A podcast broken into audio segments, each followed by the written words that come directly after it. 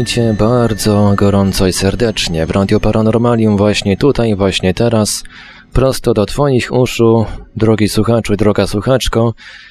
Dzisiaj wyjątkowo w warunkach polowych, ale jednak zaczynamy wlewanie kolejnego odcinka Bibliotekarium na żywo. Dzisiaj e, przy mikrofonie i przy sterach, przy sterach technicznych audycji Marek Sękiewelios, a po drugiej stronie połączenia internetowego są z nami jak zawsze gospodarze bibliotekarium Marek Żelkowski i Wiktor Żwikiewicz oraz nasz dzisiejszy gość specjalny Tadeusz Krajewski. Halo, halo Bydgoszcz. Dobry wieczór, czy dzień dobry, właściwie dzień dobry, bo słońce świeci i to tak solidnie prosto nam w ekran, więc niewiele widzimy. Jeszcze raz dzień dobry. To, to robienie audycji w warunkach polowych to zdaje się weszło nam w krew, bo o dwa tygodnie temu my z Wiktorem robiliśmy w warunkach polowych, e, nadając z Nienidzicy, czyli z Mierek, ale za to, e, za to goszcząc, e, goszcząc e, wielu, wielu, wiele, znam, wiele osobistości ze świata fantastyki. No dzisiaj, dzisiaj z kolei e, pewną, pewną, pewną taką polo, polowością wykazuje się, wykazuje się Marek Sękiewelios, który... który Co zresztą obsług... chyba słychać leciutko, bo jestem dzisiaj w Krakowie. Tak. tak. wybrałem się na spotkanie z Tomem Campbellem. Będę jutro e, nasłuchiwał, co tam Tom, Tom Campbell będzie opowiadał. Postaram się też zrobić małe nagranie, małą relację do wyemitowania później na antenie Radia Paranormalium. A zanim oddam panom głos i zanim zobaczycie pierwsze komentarze, mam nadzieję, że słońce przestanie wam e, świecić prosto w monitor. Mam nadzieję, że komentarze od słuchaczy już zobaczycie. Dzisiaj niestety z racji polowości właśnie e, warunków, w których e, przebywam chwilowo. Audycja, e, podczas audycji nie będziemy odbierać rozmów telefonicznych, ale będziemy odbierać jak zawsze komentarze od słuchaczy. Widzę, że tutaj na YouTubie audycja, e, transmisja na YouTubie chwilowo padła, ale zaraz wstanie, gwarantuję. Będziemy odbierać komentarze nadsyłane drogą tekstową. Gadu gadu 36 08 8002 36 08 8002 Jesteśmy także na Skype'ie radio.paranormalium.pl. Czekamy także na komentarze na e, www.paranormalium.pl na naszym czacie oraz na czacie towarzyszącym naszej transmisji na YouTube, która właśnie wraca do żywych, że tak powiem.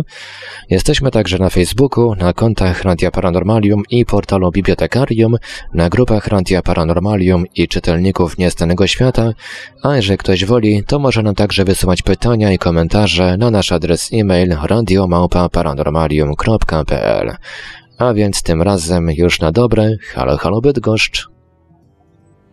No to startujemy. Dzisiaj o Wiktor się wybiera, wy, znaczy wyrywa do mikrofonu. Co chciałeś nie, powiedzieć, Wiktorze?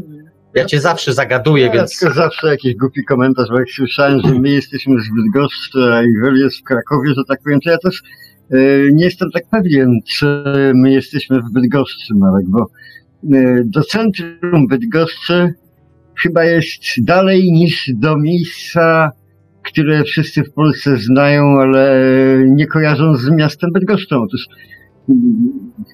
do czegoś takiego jak Wyszogród po prostu, a Wyszogród to jest dokładnie ręką podaj od miejsca, w którym jest nasza redakcja.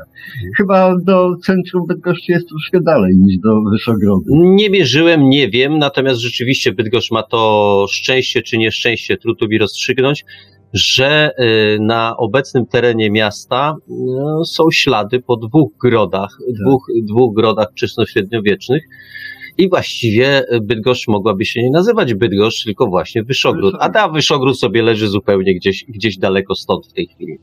Ale cóż, no przejdźmy może do, do, do tematu dzisiejszej audycji. A zapros, zaprosiliśmy gościa, Tadeusza Krajewskiego. Jeszcze raz witamy. Jeszcze raz witamy. Dobry wieczór. A zaprosiliśmy w bardzo konkretnym celu. Otóż w Bydgoszczy jakiś czas temu powstała, powstała biblioteka, biblioteka a co ja tu będę wiele, wiele nawijał, to ja może oddam głos gościowi, niech gość o bibliotece powie, powie i chyba to zrobi, zrobi to najlepiej.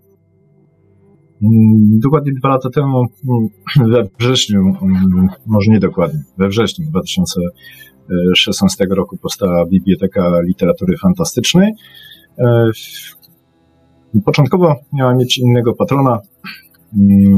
Bibliotekę prowadzimy we dwójkę. Mój kolega, mój przyjaciel Łukasz y, Nikor Nalewajk, y, który dzisiaj nie mógł przyjść, y, i ja. No i właśnie wybieraliśmy patrona dla biblioteki. Chcieliśmy koniecznie, bo ja w ogóle wychodzę z takiego założenia, że patronem powinien być ktoś no świętej pamięci. No i zależało nam, ponieważ jesteśmy lokalnymi patriotami, żeby to był ktoś związany z Bydgoszczą i szukaliśmy odpowiedniego nazwiska.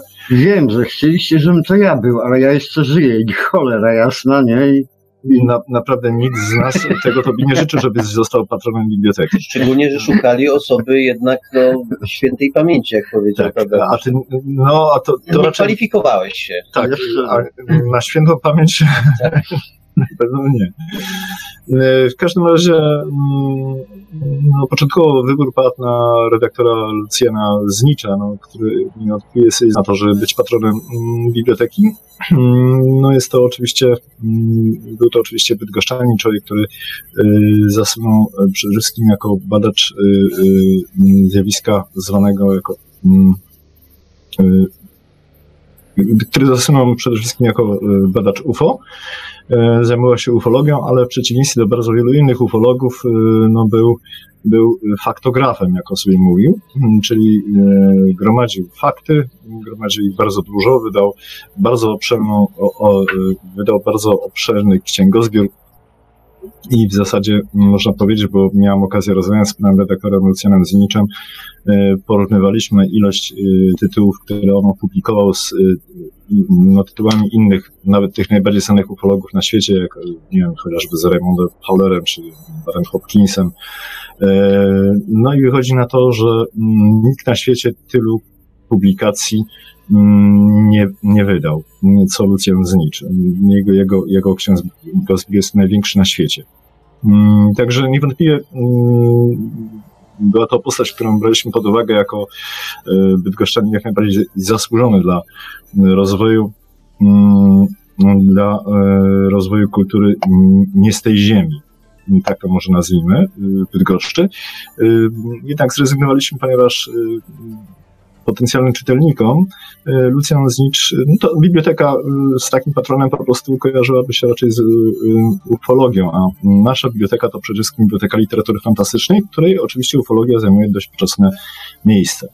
Później wy, wybór padł na Krzysztofa Borunia, no wprawdzie warszawiaka, ale, ale człowieka, który z Bydgoszczą był silnie związany. W latach 50. publikował swoje teksty w ilustrowanym kurierze polskim, no i tutaj w ilustrowanym kurierze polskim w odcinkach ukazywała się, ukazywało się jego opus magnum. Powieść napisana wspólnie z Andrzejem Trepką, trylogia kosmiczna, Zagubiona przyszłość, Proxima, kosmiczni bracia. I jedna z najważniejszych książek fantastycznych w historii polskiej, polskiej SF. Mm, no i to Krzysztof Boroń z Bydgoszczą był dość mocno związany, często tu przyjeżdżał na różne spotkania autorskie. Mm, potem, gdy zainteresował się parapsychologią, to jest dość ciekawe, bo Krzysztof Boroń był materialistą, ateistą, a w ogóle to był marksistą, nawiasem mówiąc, miałem okazję z nim rozmawiać w 1983 roku i wtedy go niesłusznie podejrzewałem, że, że, że to jest taki konformizm jakiś, no, że po prostu jestem marksistą, bo akurat jest mi to potrzebne do tego, żeby, żeby utrzymywać się na rynku wydawniczym, ale nie, on był marksistą z przekonania, autentycznie wierzył w to, że to jest ten kierunek, który, jedyny słuszny kierunek, w jakim ludzkość powinna podążać. Mimo to, ale przydało mu się to do czegoś, bardzo mu się przydało, bo oczywiście światopogląd miał materialistyczny i dzięki temu mm, zjawiska paranormalne badał w sposób taki, powiedział, bardzo zdrowy, czyli po prostu nie negował ich, wiedział, że one mają miejsce, interesowała go i telekineza, i telepatia, i prekognicja, i jasnowidzenie. E, no i mm, starał się zrozumieć, czym one są i podchodzi do nich tylko i wyłącznie w sposób naukowy. Sam zresztą miałem okazję kiedyś brać udział w eksperymencie mm, telekinetycznym y, zorganizowanym przez y, Krzysztofa Borunia. Krzysztof Boruń y, w związku z tym przyjeżdża do Bydgoszczy na spotkania, na targi ezoteryczne, no i ten, ten związek z naszym miastem był bardzo silny. I w zasadzie stwierdziliśmy, że Krzysztof Boruń będzie patronem naszej biblioteki. 12 grudnia 2016 roku dotarła do nas tragiczna wiadomość o śmierci naszego kolegi pisarza Jurka Grunkowskiego. I wtedy Łukasz i ja właściwie nie mieliśmy już żadnych wątpliwości. Właściwie to jeszcze tego samego dnia wiedzieliśmy, że biblioteka zyskała patrona. Patronem został Jurek Grunkowski. E, to ja tak jeszcze, ponieważ, e, ponieważ ja się przy takich polowych audycjach zawsze niepokoję, czy nas, czy nas słychać. Marku, czy nas słychać? Halo, halo? Słychać, słychać cały czas. O, to super. Dobrze, Tadeuszu, to ja, mm, to ja zapytam tak. A co jest takiego niezwykłego w tej bibliotece, że o niej dzisiaj rozmawiamy? No jeszcze może powiem, dlaczego w ogóle Jurek, no bo Jurek to nasz kolega. I oczywiście, co, co jest dość istotne, często tym pomieszczeniu, w którym znajduje się y, nasza biblioteka, przebywał. Y, przychodził tam na spotkania mm, i to nie jako bohater, nie jako, nie jako pisarz, nie, nie na swoje wieczory autorskie, tylko po prostu uczestniczył w spotkaniach, spotkaniach fandomu bydgoskiego, a także spotkaniach poświęconych parapsychologii, do klubu parapsychologicznego. Także można powiedzieć, że on tam jakoś duchem cały czas jest, jest obecny. Ale Jurek to pisarz niezwykły, pisarz, pisarz nietuzinkowy, pisarz wyjątkowy i dla nas to jest mm, po prostu nasza biblioteka, no można powiedzieć, że dla nas to jest zaszczyt, że patronem mm, jest ktoś taki. Jurgen Rutkowski zadebiutował w 1983 roku w wydawnictwie literackim książką z zbiorem opowiadania Annopolis, miasto moich snów. Później ukazał się dalszy ciąg też w wydawnictwie literackim Annopolis, świat mojej wyobraźni. No i potem ukazało się wiele innych książek, ale te dwa zbiory rzeczywiście były y, takim największym osiągnięciem literackim Jurka, chociaż on y, bardzo często podkreślał, że najlepszą rzeczą, jaką stworzył, było, było opowiadanie opowiadanie. I uciekło, kiedy, miało, kiedy jest potrzebne, uciekło. No właśnie. E, no, przypomnę cię za chwilę. Ale ja powiem tylko Tego bohaterem rzecz. jest Edgar Allan Poe. A y, tak, ale natomiast, natomiast ja tylko y, powiem, że w swoim czasie y, całą audycję Jurkowi Gruntkowskiemu poświęciliśmy, także troszeczkę, troszeczkę nasi słuchacze znają, znają tę postać. Mm, ja zadając to pytanie o, o, o, o, niezwykłość, o niezwykłość biblioteki, to między innymi miałem na myśli, żeby, żeby, powiązać, żeby powiązać postać Jurka, Jurka z, tą, z tą biblioteką, bo e, Wiktor tutaj, Wiktor tutaj milczy, a Wiktor, Wiktor e, też ma swoje, swoje e, no, dużo wspomnień związanych z Jurkiem. I zabawnych, i takich, i takich może mniej zabawnych. Od których zaczniesz, Wiktorze? Wiesz, no, co, można bardzo dużo jeszcze Wybraniec z bogów, przepraszam. To opowiadanie o Edgarze Alanie Poe. O właśnie, yy, uciekło z pamięci. Yy, może zanim ja dojdę do Jurka Grodkowskiego, to może ty, Marek, mówisz, na czym polega niezwykłość tej biblioteki. A ja może bym się skupił na moment nad niezwykłością w ogóle biblioteki jako takiej. Otóż zwróćcie uwagę, że mm, czasami nam coś, tak jak tu przed chwilą opowiadanie jakieś uratuje z pamięci.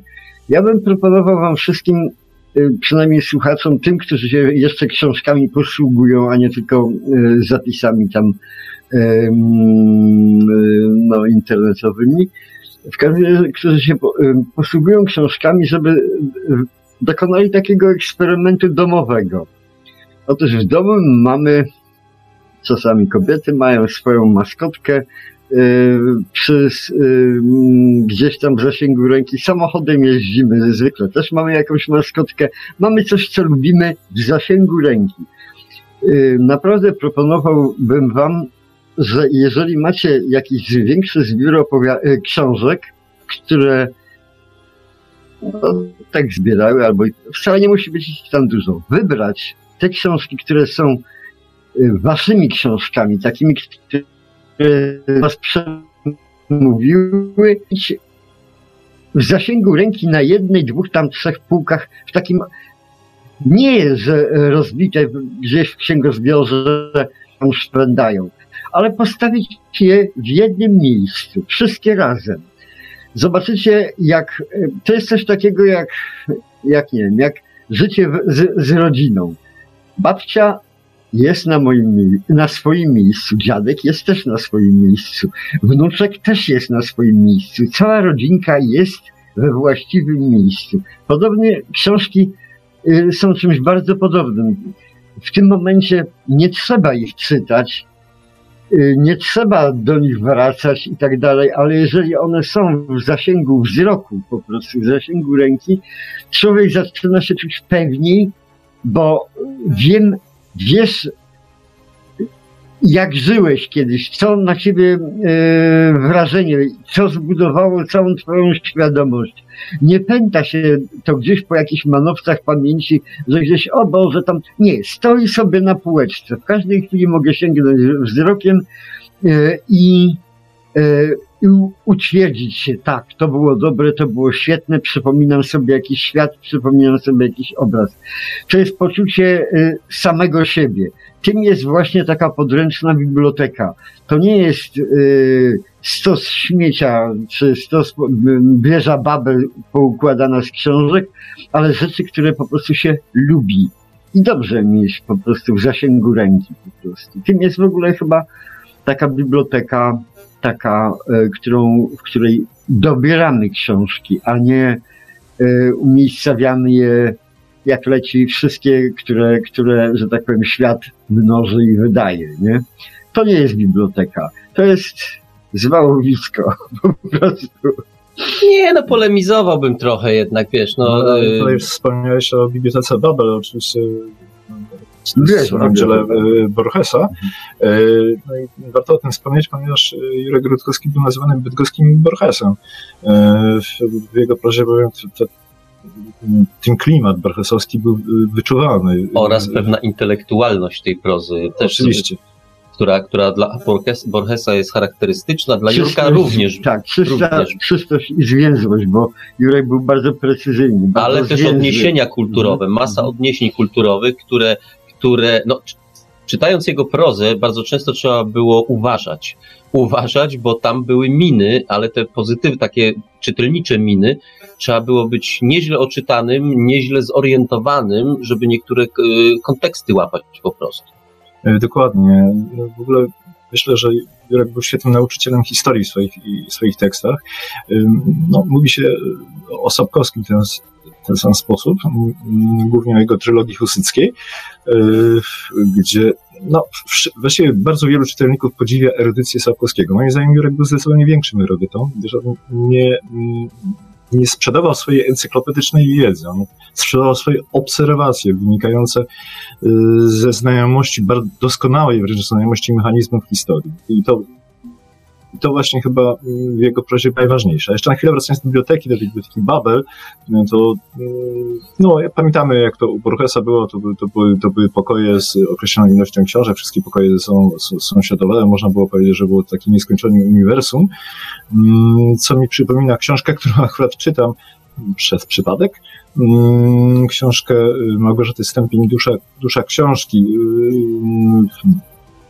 tej książce Małgorzata Stępień uważa, że słowo jest absolutnie sprawcze w stosunku do materii i do wszystkiego, co zaistniało na planie materialnym i metafizycznym.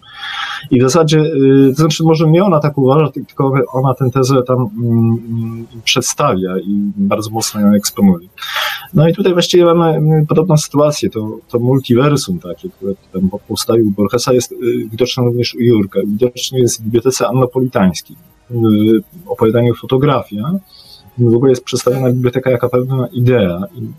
Biblioteka, tam co chwilę pojawia się taki leitmotyw, tak, tak, tak właściwie taka mantra, biblioteka walczy. Biblioteka walczy. Biblioteka, biblioteka um, czasami, ale biblioteka zawsze przegrywa. Biblioteka zawsze przegrywa i przegrywa nawet wtedy, gdy wydaje się, że jest u progu swojego największego sukcesu.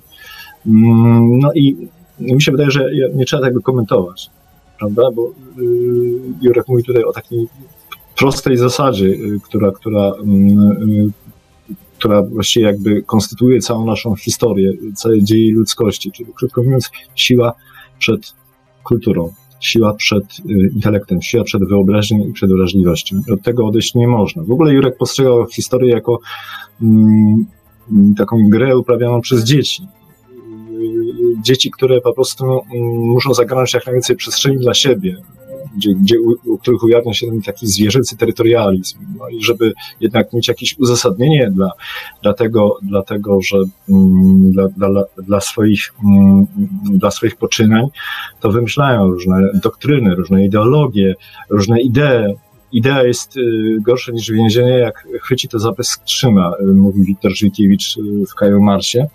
No i właśnie Jurek to bardzo dobrze przedstawia w swoich opowiadaniach. Ta, bo bohaterami mm, tego zbioru anapolitańskiego są ludzie, też, też mógłbym powiedzieć, tacy niepełnokrwiści. To nie są jacyś tacy bohaterowie, których możemy zapamiętać. Mm, którzy oddziałują jakoś na naszą wyobraźnię. To są nosiciele idei, bo w Arnopolis wszyscy żyją ideami. Nieważne, czy są ludźmi dobrymi, czy podłymi, oni żyją bez przerwy ideami, te idee usiłują realizować. I ten sposób Jurek stworzył taki bardzo dystopijny świat, bo Jurek był mm, no, przeciwnikiem utopii, a już broń Boże realizowania utopii w praktyce. Mm, I ukazywał, co z tych utopijnych idei, które gdzieś tam się pojawiają, a prawie każda jest utopijna swojego zarania, ukazywał, jak wiele nieszczęść może, jak wiele nieszczęść z tego, z tego dla, dla ludzkości jako, jako całego zbiorowiska, jak i dla pojedynczych ludzi, dla indywidualności wynika. Jurek, jeśli chodzi o indywidualność, to też w niektórych tekstach polemizował z tą romantyczną wizją historiozoficzną o roli jednostek historii, że jednostki historii zmieniają i przekształcają i tak naprawdę to od nich wszystko jakby zależy.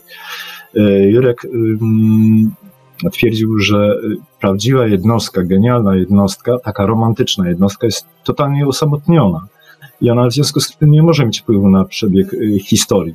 Bo jeżeli chce mieć, to musi mm, zacząć współpracować, musi y, wejść do jakiegoś tam, no przepraszam za słowo, kolektywu. Tak? I w tym momencie ta jednostka y, przegrywa, traci swoją wyjątkowość, zaczyna się rozwijać na, na, na drobne.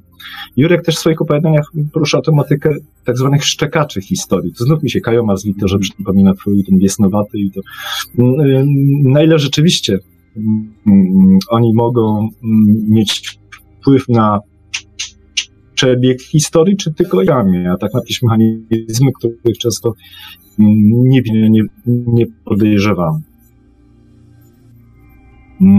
Bardzo przyjemnie przesłuchanie e, tam okazane, to jest pozornie tylko ofiara i wobec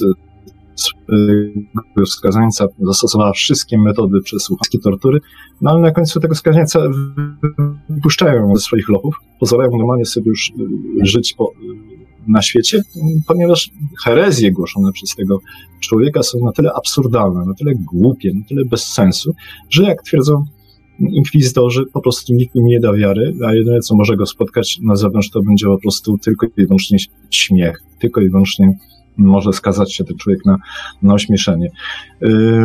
Dlaczego? No właśnie, i to jest ta teza, którą Jurek w innych opowiadaniach ukazuje, jak chociażby stronę Annopolis, gdzie przeciwstawia się determinizmowi, destynacji, jako, jako, bo niektórzy uważają napisana, jak chociażby Filip K. Dick tam sugerował, którego Jurek nawiasem mówiąc bardzo lubi. E, no i Jurek się temu przeciwstawiał, no i, z jego tekstów to wyraźnie wynika. Ale jeszcze na chwilę wrócę do biblioteki, bo ona jest tutaj bardzo ważna w tym cyklu. Do tej biblioteki opowiadaniu, bo to było opowiadanie foto, fotografia, w opowiadaniu Fulsa przychodzi, przychodzi czytelnik, który odnajduje tam książkę Maxa Plancka pod tytułem Dzieje powszechne albo historia powszechna, teraz nie jestem pewien. No i się okazuje, że gdzieś tam w innym uniwersum jest Max Planck, który no, tworzy właśnie się. multiversum, tak? Czyli mówi o, o istnieniu wielu różnych rzeczywistości, które mogą ze sobą sąsiadować. I ta książka jakby przenika tak, do, do tego innego uniwersum, czyli do tego naszego uniwersum.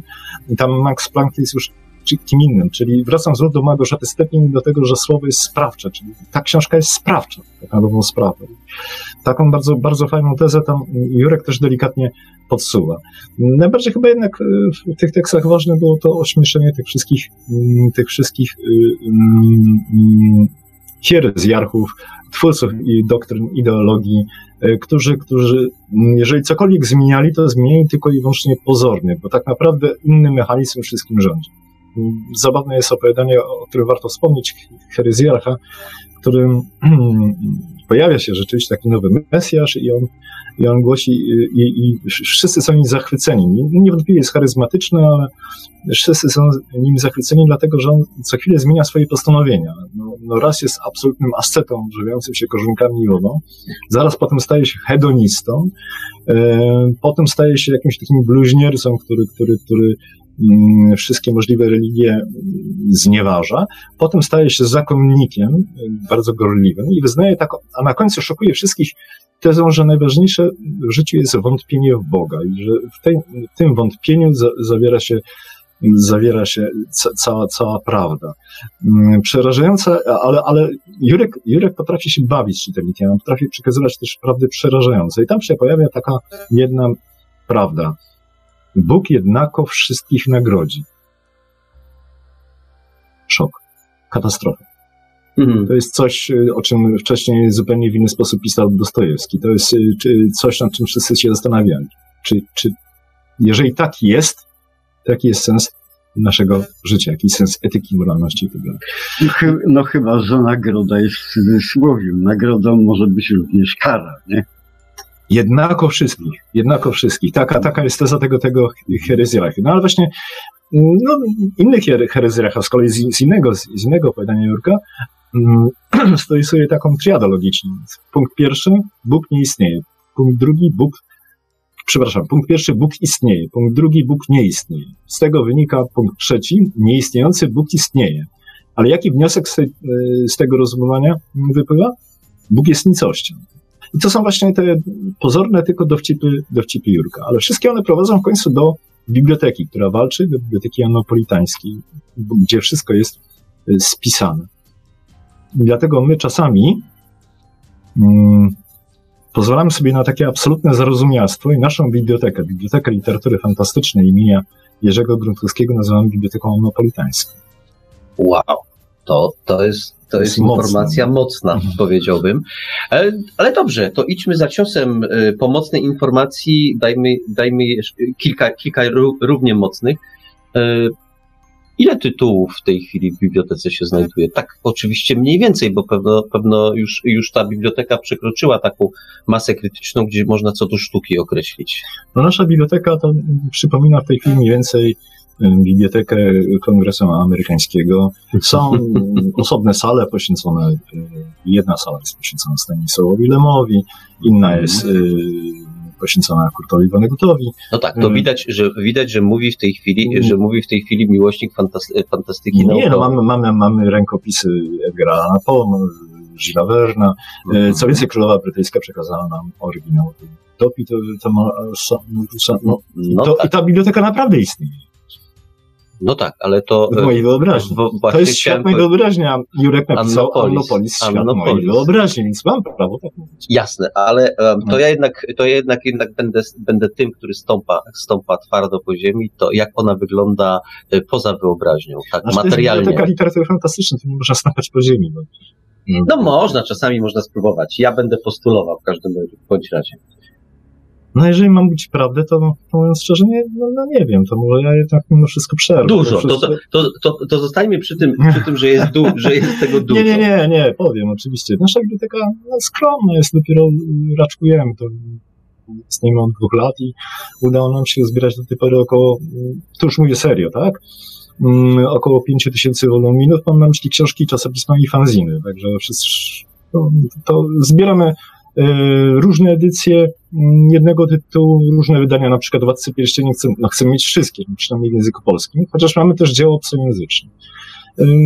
Główny trzon biblioteki to oczywiście beletrystyka e, fantastyczna, oczywiście fantastyka we wszystkich przejawach, czyli mamy literaturę science fiction, fantasy, literaturę grozy, weird fiction, horror, mamy y, też oczywiście baśnie, mamy, mamy, mamy, mamy klechdy i legendy, mamy też y, prozę surrealistyczną, taką mm, eksperymentalną, która mm, no, którą Maciej Palowski mógł spokojnie nazwać literaturą wyobraźni, bo Maciej Palowski w swoich doskonałych zresztą małpa Pana Boga tak nazywa czasami fantastykę i bardzo ryzykownie zestawia ze sobą mm, powiedzmy, nie wiem, Buchakowa z Windemem i czy... E, no tak, bo Maciej Parowski e, ma Ale taką, właśnie u nas jest taką, i Windem.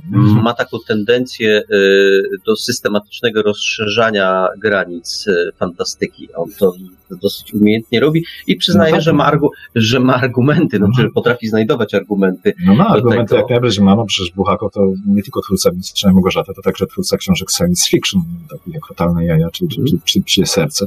No ale to tak na marginesie. No więc krótko mówiąc, beletrystyka jest oczywiście jakąś taką podstawą, ale oprócz beletrystyki rzecz jasna jest dział nauki i o literaturze, krytyka literacka i tu znajdują się bardzo różne nazwiska. No tutaj um, oczywiście jest i, i profesor Niewiadomski, tu jest, tu jest oczywiście Lech Jęczmyk wspomniany, tu jest i, i Maciej Parowski, i Marek Oramus ze swoimi felietonami. Tu są także naukowcy, którzy, bo ostatnio no, dzięki działaniu sił nie z tego świata. Wow. Mm, fantastyka jakby wchodzi mm, na salony uniwersyteckie, akademickie i ukazują się prace doktorskie mm, poświęcone tej tematyce i mamy tutaj pracę pani Moniki Brzystowicz-Klein, a także naszej znajomej Marty Kłać-Kocot.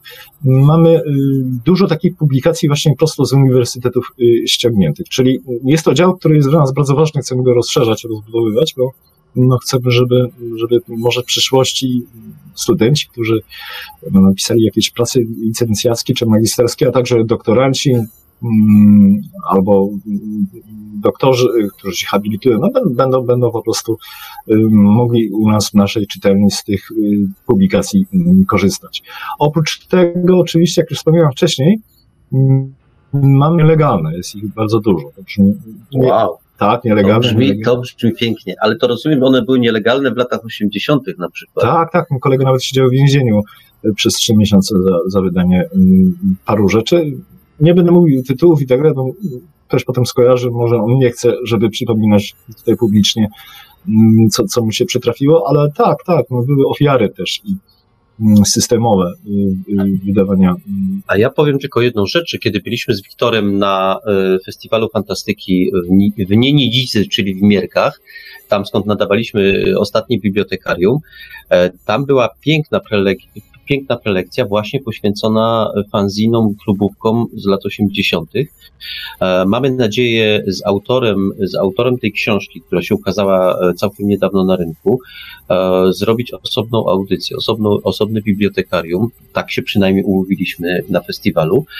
Myślę, że myślę, że to będzie ciekawa audycja, bo kiedy słuchałem prelekcji mm, o, o, tym, o, tym, o tym właśnie temacie, to nagle uświadomiłem sobie, jak bogaty był ten rynek wydawniczy. To niby, niby powinienem to wiedzieć, bo sam, sam korzystałem, wydawałem majątek w latach 80. na te wszystkie klubówki, na te wydania rzeczy, które nie miały szans się ukazać w tamtym systemie, albo, albo jeśli by się ukazały, to po wielu, wielu latach.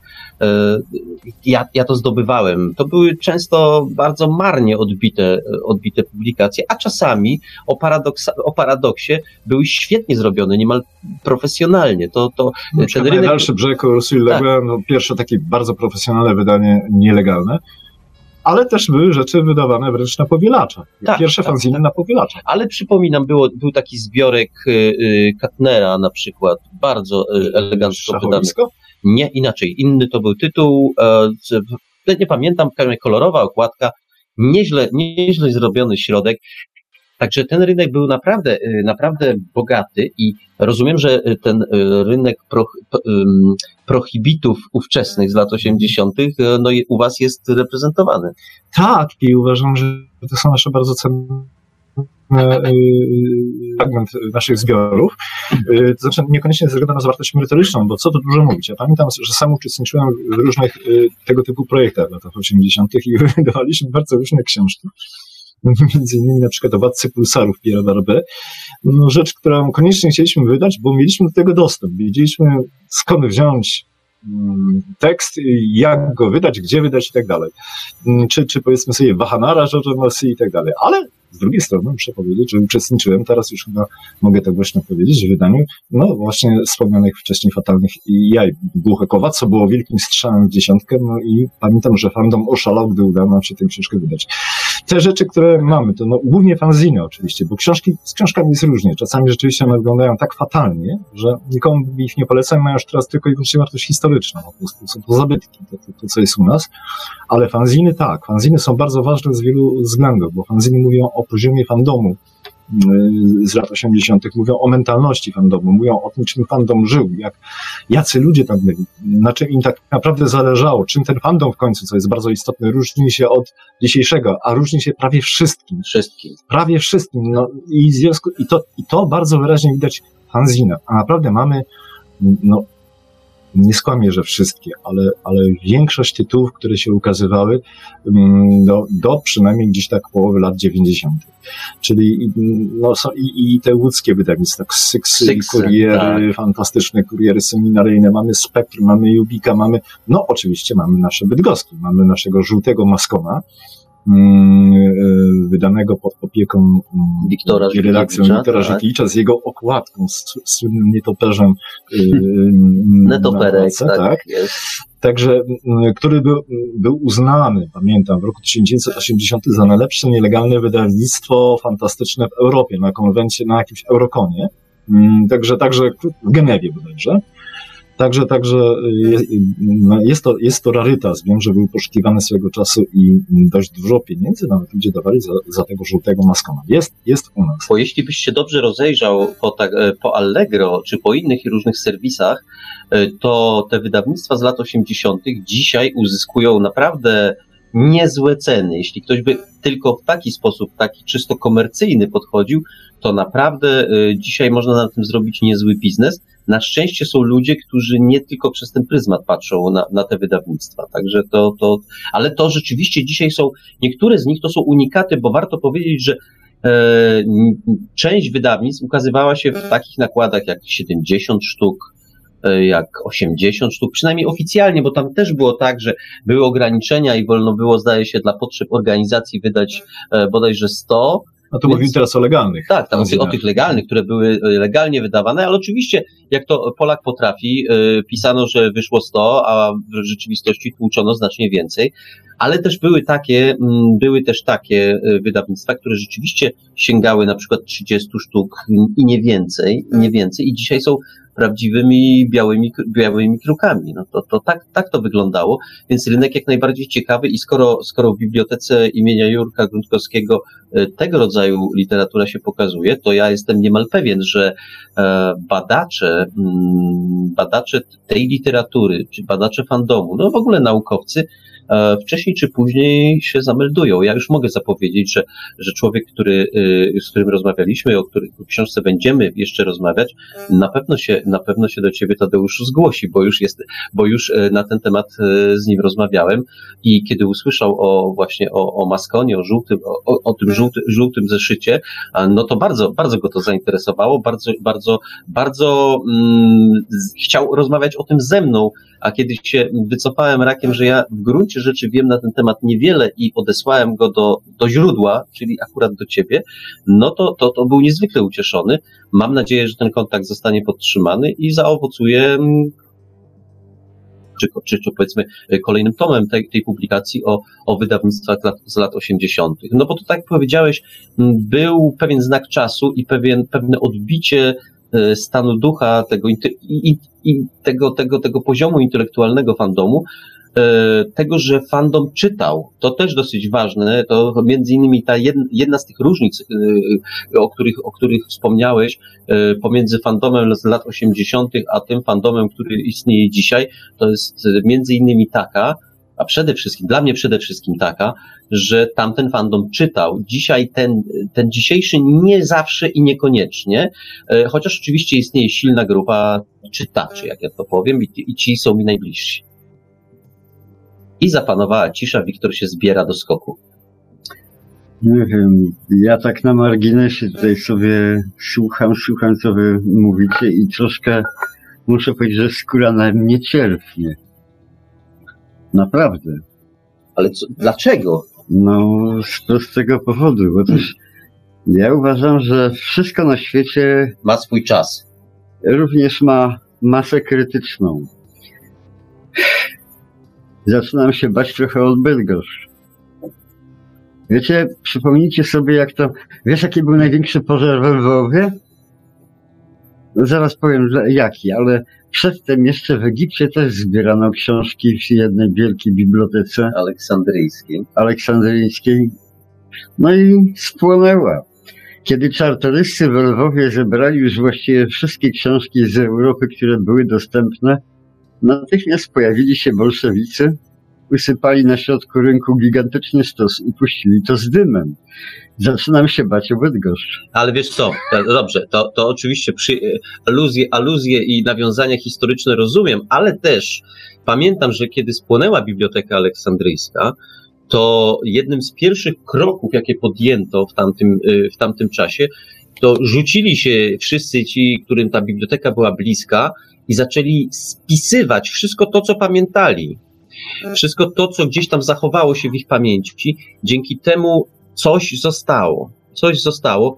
Co więcej, wiedziano między innymi czego szukać, bo oczywiście Biblioteka Aleksandryjska nie była jedyną biblioteką i tych takich mniejszych, większych bibliotek na terenie na przykład Grecji, czy tej Grecji, która dzisiaj jest, e, dzisiaj jest już Turcją, ale tej części, tej części ówczes, ówczesnej Grecji, e, tych bibliotek było sporo.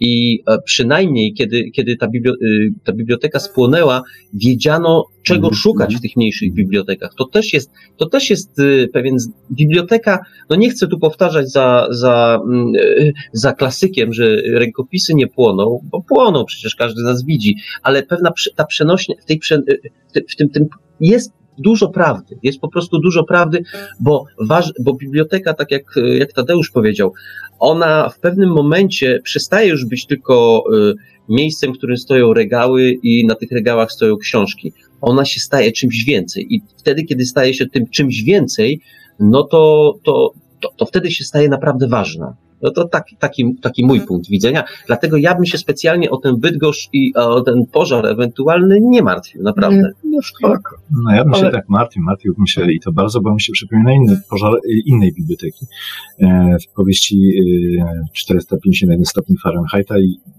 no i przypomina mi się śmierć bohaterskiej bibliotekarki, która weszła na No szczyt tak. książek i zacytowała Edgara Poe'ego i powiedziała teraz rozpalimy wielki ogień i upuściła zapałkę na naftę rozlaną wcześniej przez strażaków, bohatersko płonąc razem ze swoimi książkami.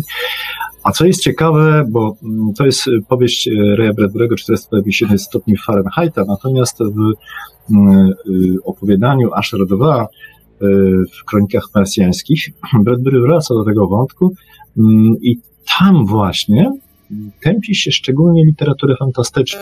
Też na stos idą książki, ale głównie fantastyczne. Tych, którzy usiłowali mm, swoją wyobraźnią łamać granice, granice schematów tych realistycznych. Y, Tam mm, idą, idą y, na stos i książki fantastyczne, i filmy y, z Borysem Karloffem, y, i ze starymi horrorami, i, i wszystko to, co mm, wiązałoby się z tą co, wszystko, wszystko, co wiązało się z y, wyobraźnią człowieka y, wyzwoloną z okowów. Y, Co jest ciekawe, Bradbury posuwa się jeszcze dalej, bo mówi, że zabroniono niektórym wykonywania jakichś dziwnych gestykulacji. Nie można było mimiką twarzy pokazać czegoś niezwykłego. To było też karane. Niektórym zakazano gry aktorskie nawet przed lustrem. Czyli krótko mówiąc, coś mi to przypomina, bo ja pamiętam, jak stan wojenny został wprowadzony i gdy ja czytałem taki afisz ten, y, o wprowadzeniu stanu wojennego, co nam wolno, czego nie wolno, to właśnie tam był taki punkt. Mocą mimiki i, gest, i gestów mm, wyrażać swoje dezaprobaty wobec władzy. Yy, I przypomina mi się od razu Bradbury, czyli krótko mówiąc, ten Bradbury tam gdzieś naprawdę w naszej rzeczywistości jest. Niechęć do tej literatury, która wykracza poza, poza schematy, tej jak to powiedział Parowski, literatury wyobraźni, jest bardzo dużo, bardzo, bardzo, bardzo. Ale bym się tutaj, nie, ja wcale nie byłbym taki spokojny, Marko, to, że mówię tak. No tak, nie. Ale chcę powiedzieć, że mamy, mamy y, nasze y, 450 y, jeden stopień par, mam na myśli tytuł powieści. Definicja?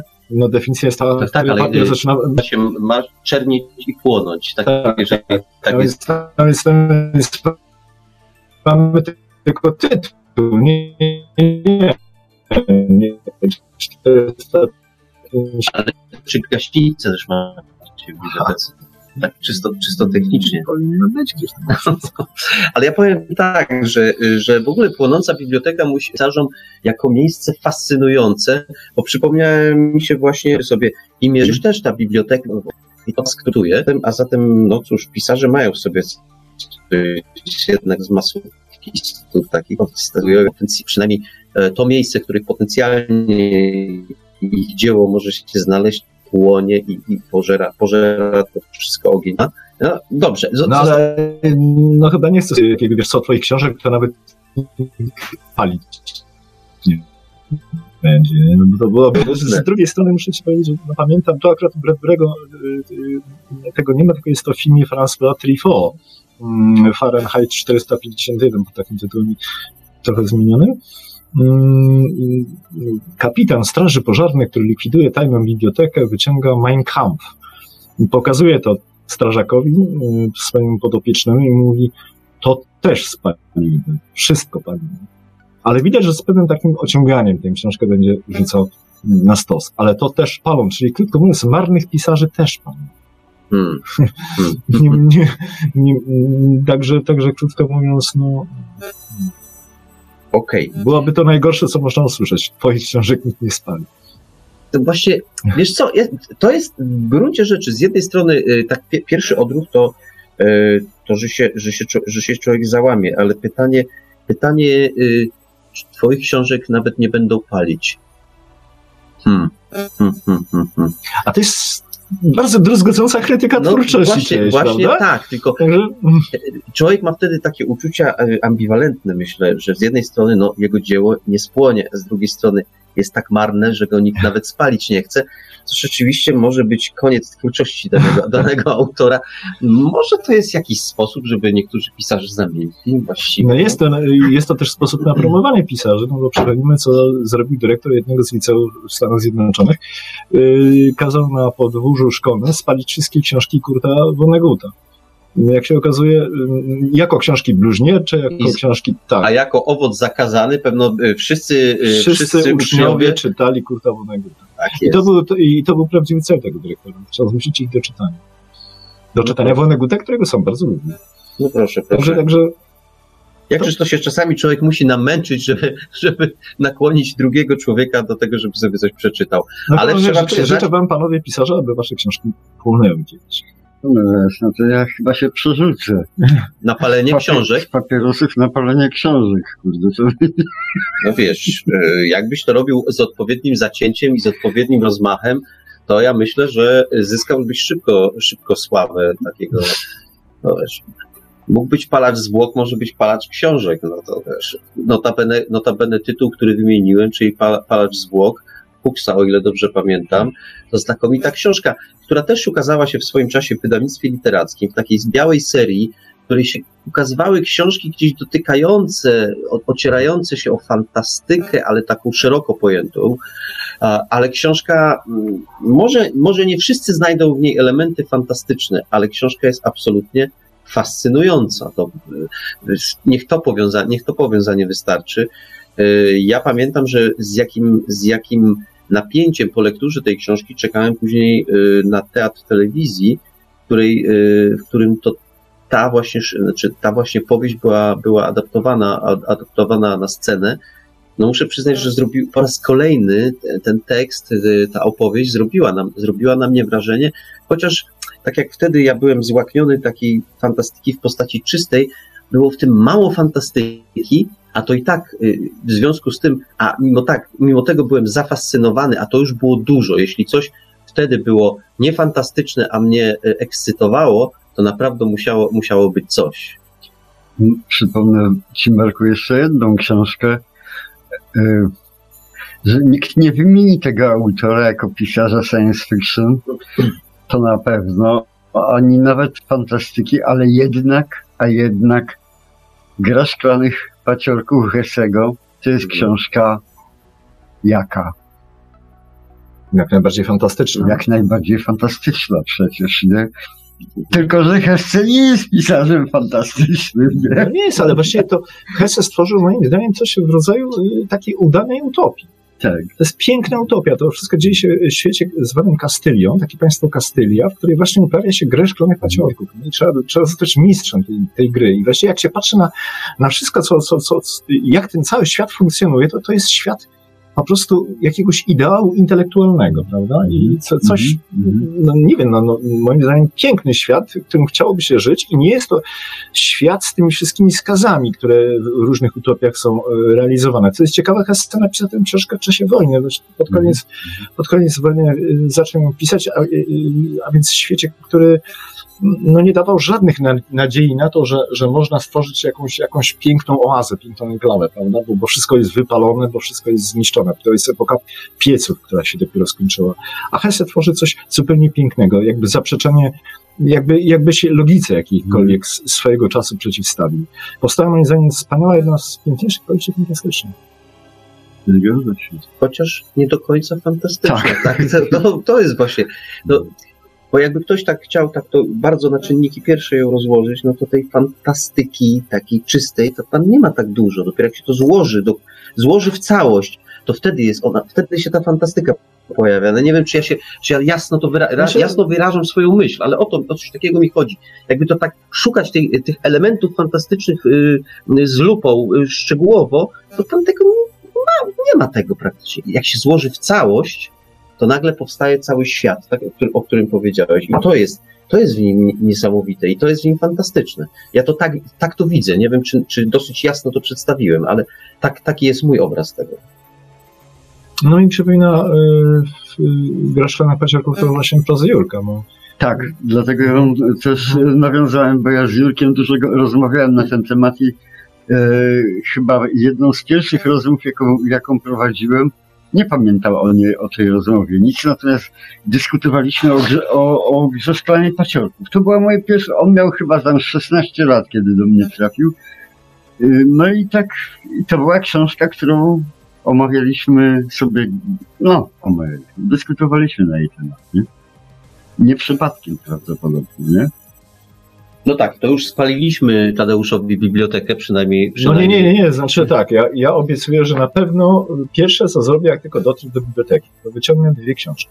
Nadciąga burza Marka Żakowskiego i Delirium Tarsis Wiktora Żykiewicza i je zapalę. Spalę. Zapalę i, i, i, i zrobię z tego relację na Facebooku i tak dalej, żebyście panowie wiedzieli, że bardzo was lubię i uważam, że to są naprawdę bardzo dobre książki. No proszę, jak można okazać y, pisarzowi sympatię? Paląc jego książki. To jest taka dosyć niecodzienna, niecodzienna konkluzja. Ale proszę Państwa, no o Żwikiewiczu mówiliśmy tutaj dość dużo, mówiliśmy o Delirium Tarsis, a on ciąga burza prawie nic, a nie wiem, czy była jakaś audycja. nie było, nie, było. Audycji Na o twórczości nie Marka było. Żelkowskiego, więc Wiktorze podpowiadam, proszę Mhm. i, i namawiam, żebyśmy kiedyś, tak jak zrobiliśmy spotkanie o Tobie, zrobili spotkanie o Marku, bo rację. nadciąga burza to jest po prostu zbiór perełek. I nie wiem, to wydaje mi się, że jest to coś, ja do tego, ja się to Marku mówiłem, ja do, tego, do tej książki wracałem, bo to jest, nie wiem, ja e, czytając Nadciąga burza, cieszyłem się jak dziecko, bo gdzieś tam wracałem do Bradburego, do moich pierwszych fascynacji, odkrywałem coś nowego, gdzieś tam był Marek niebezpieczny, groźny i drapieżny, gdzieś był subtelny i delikatny.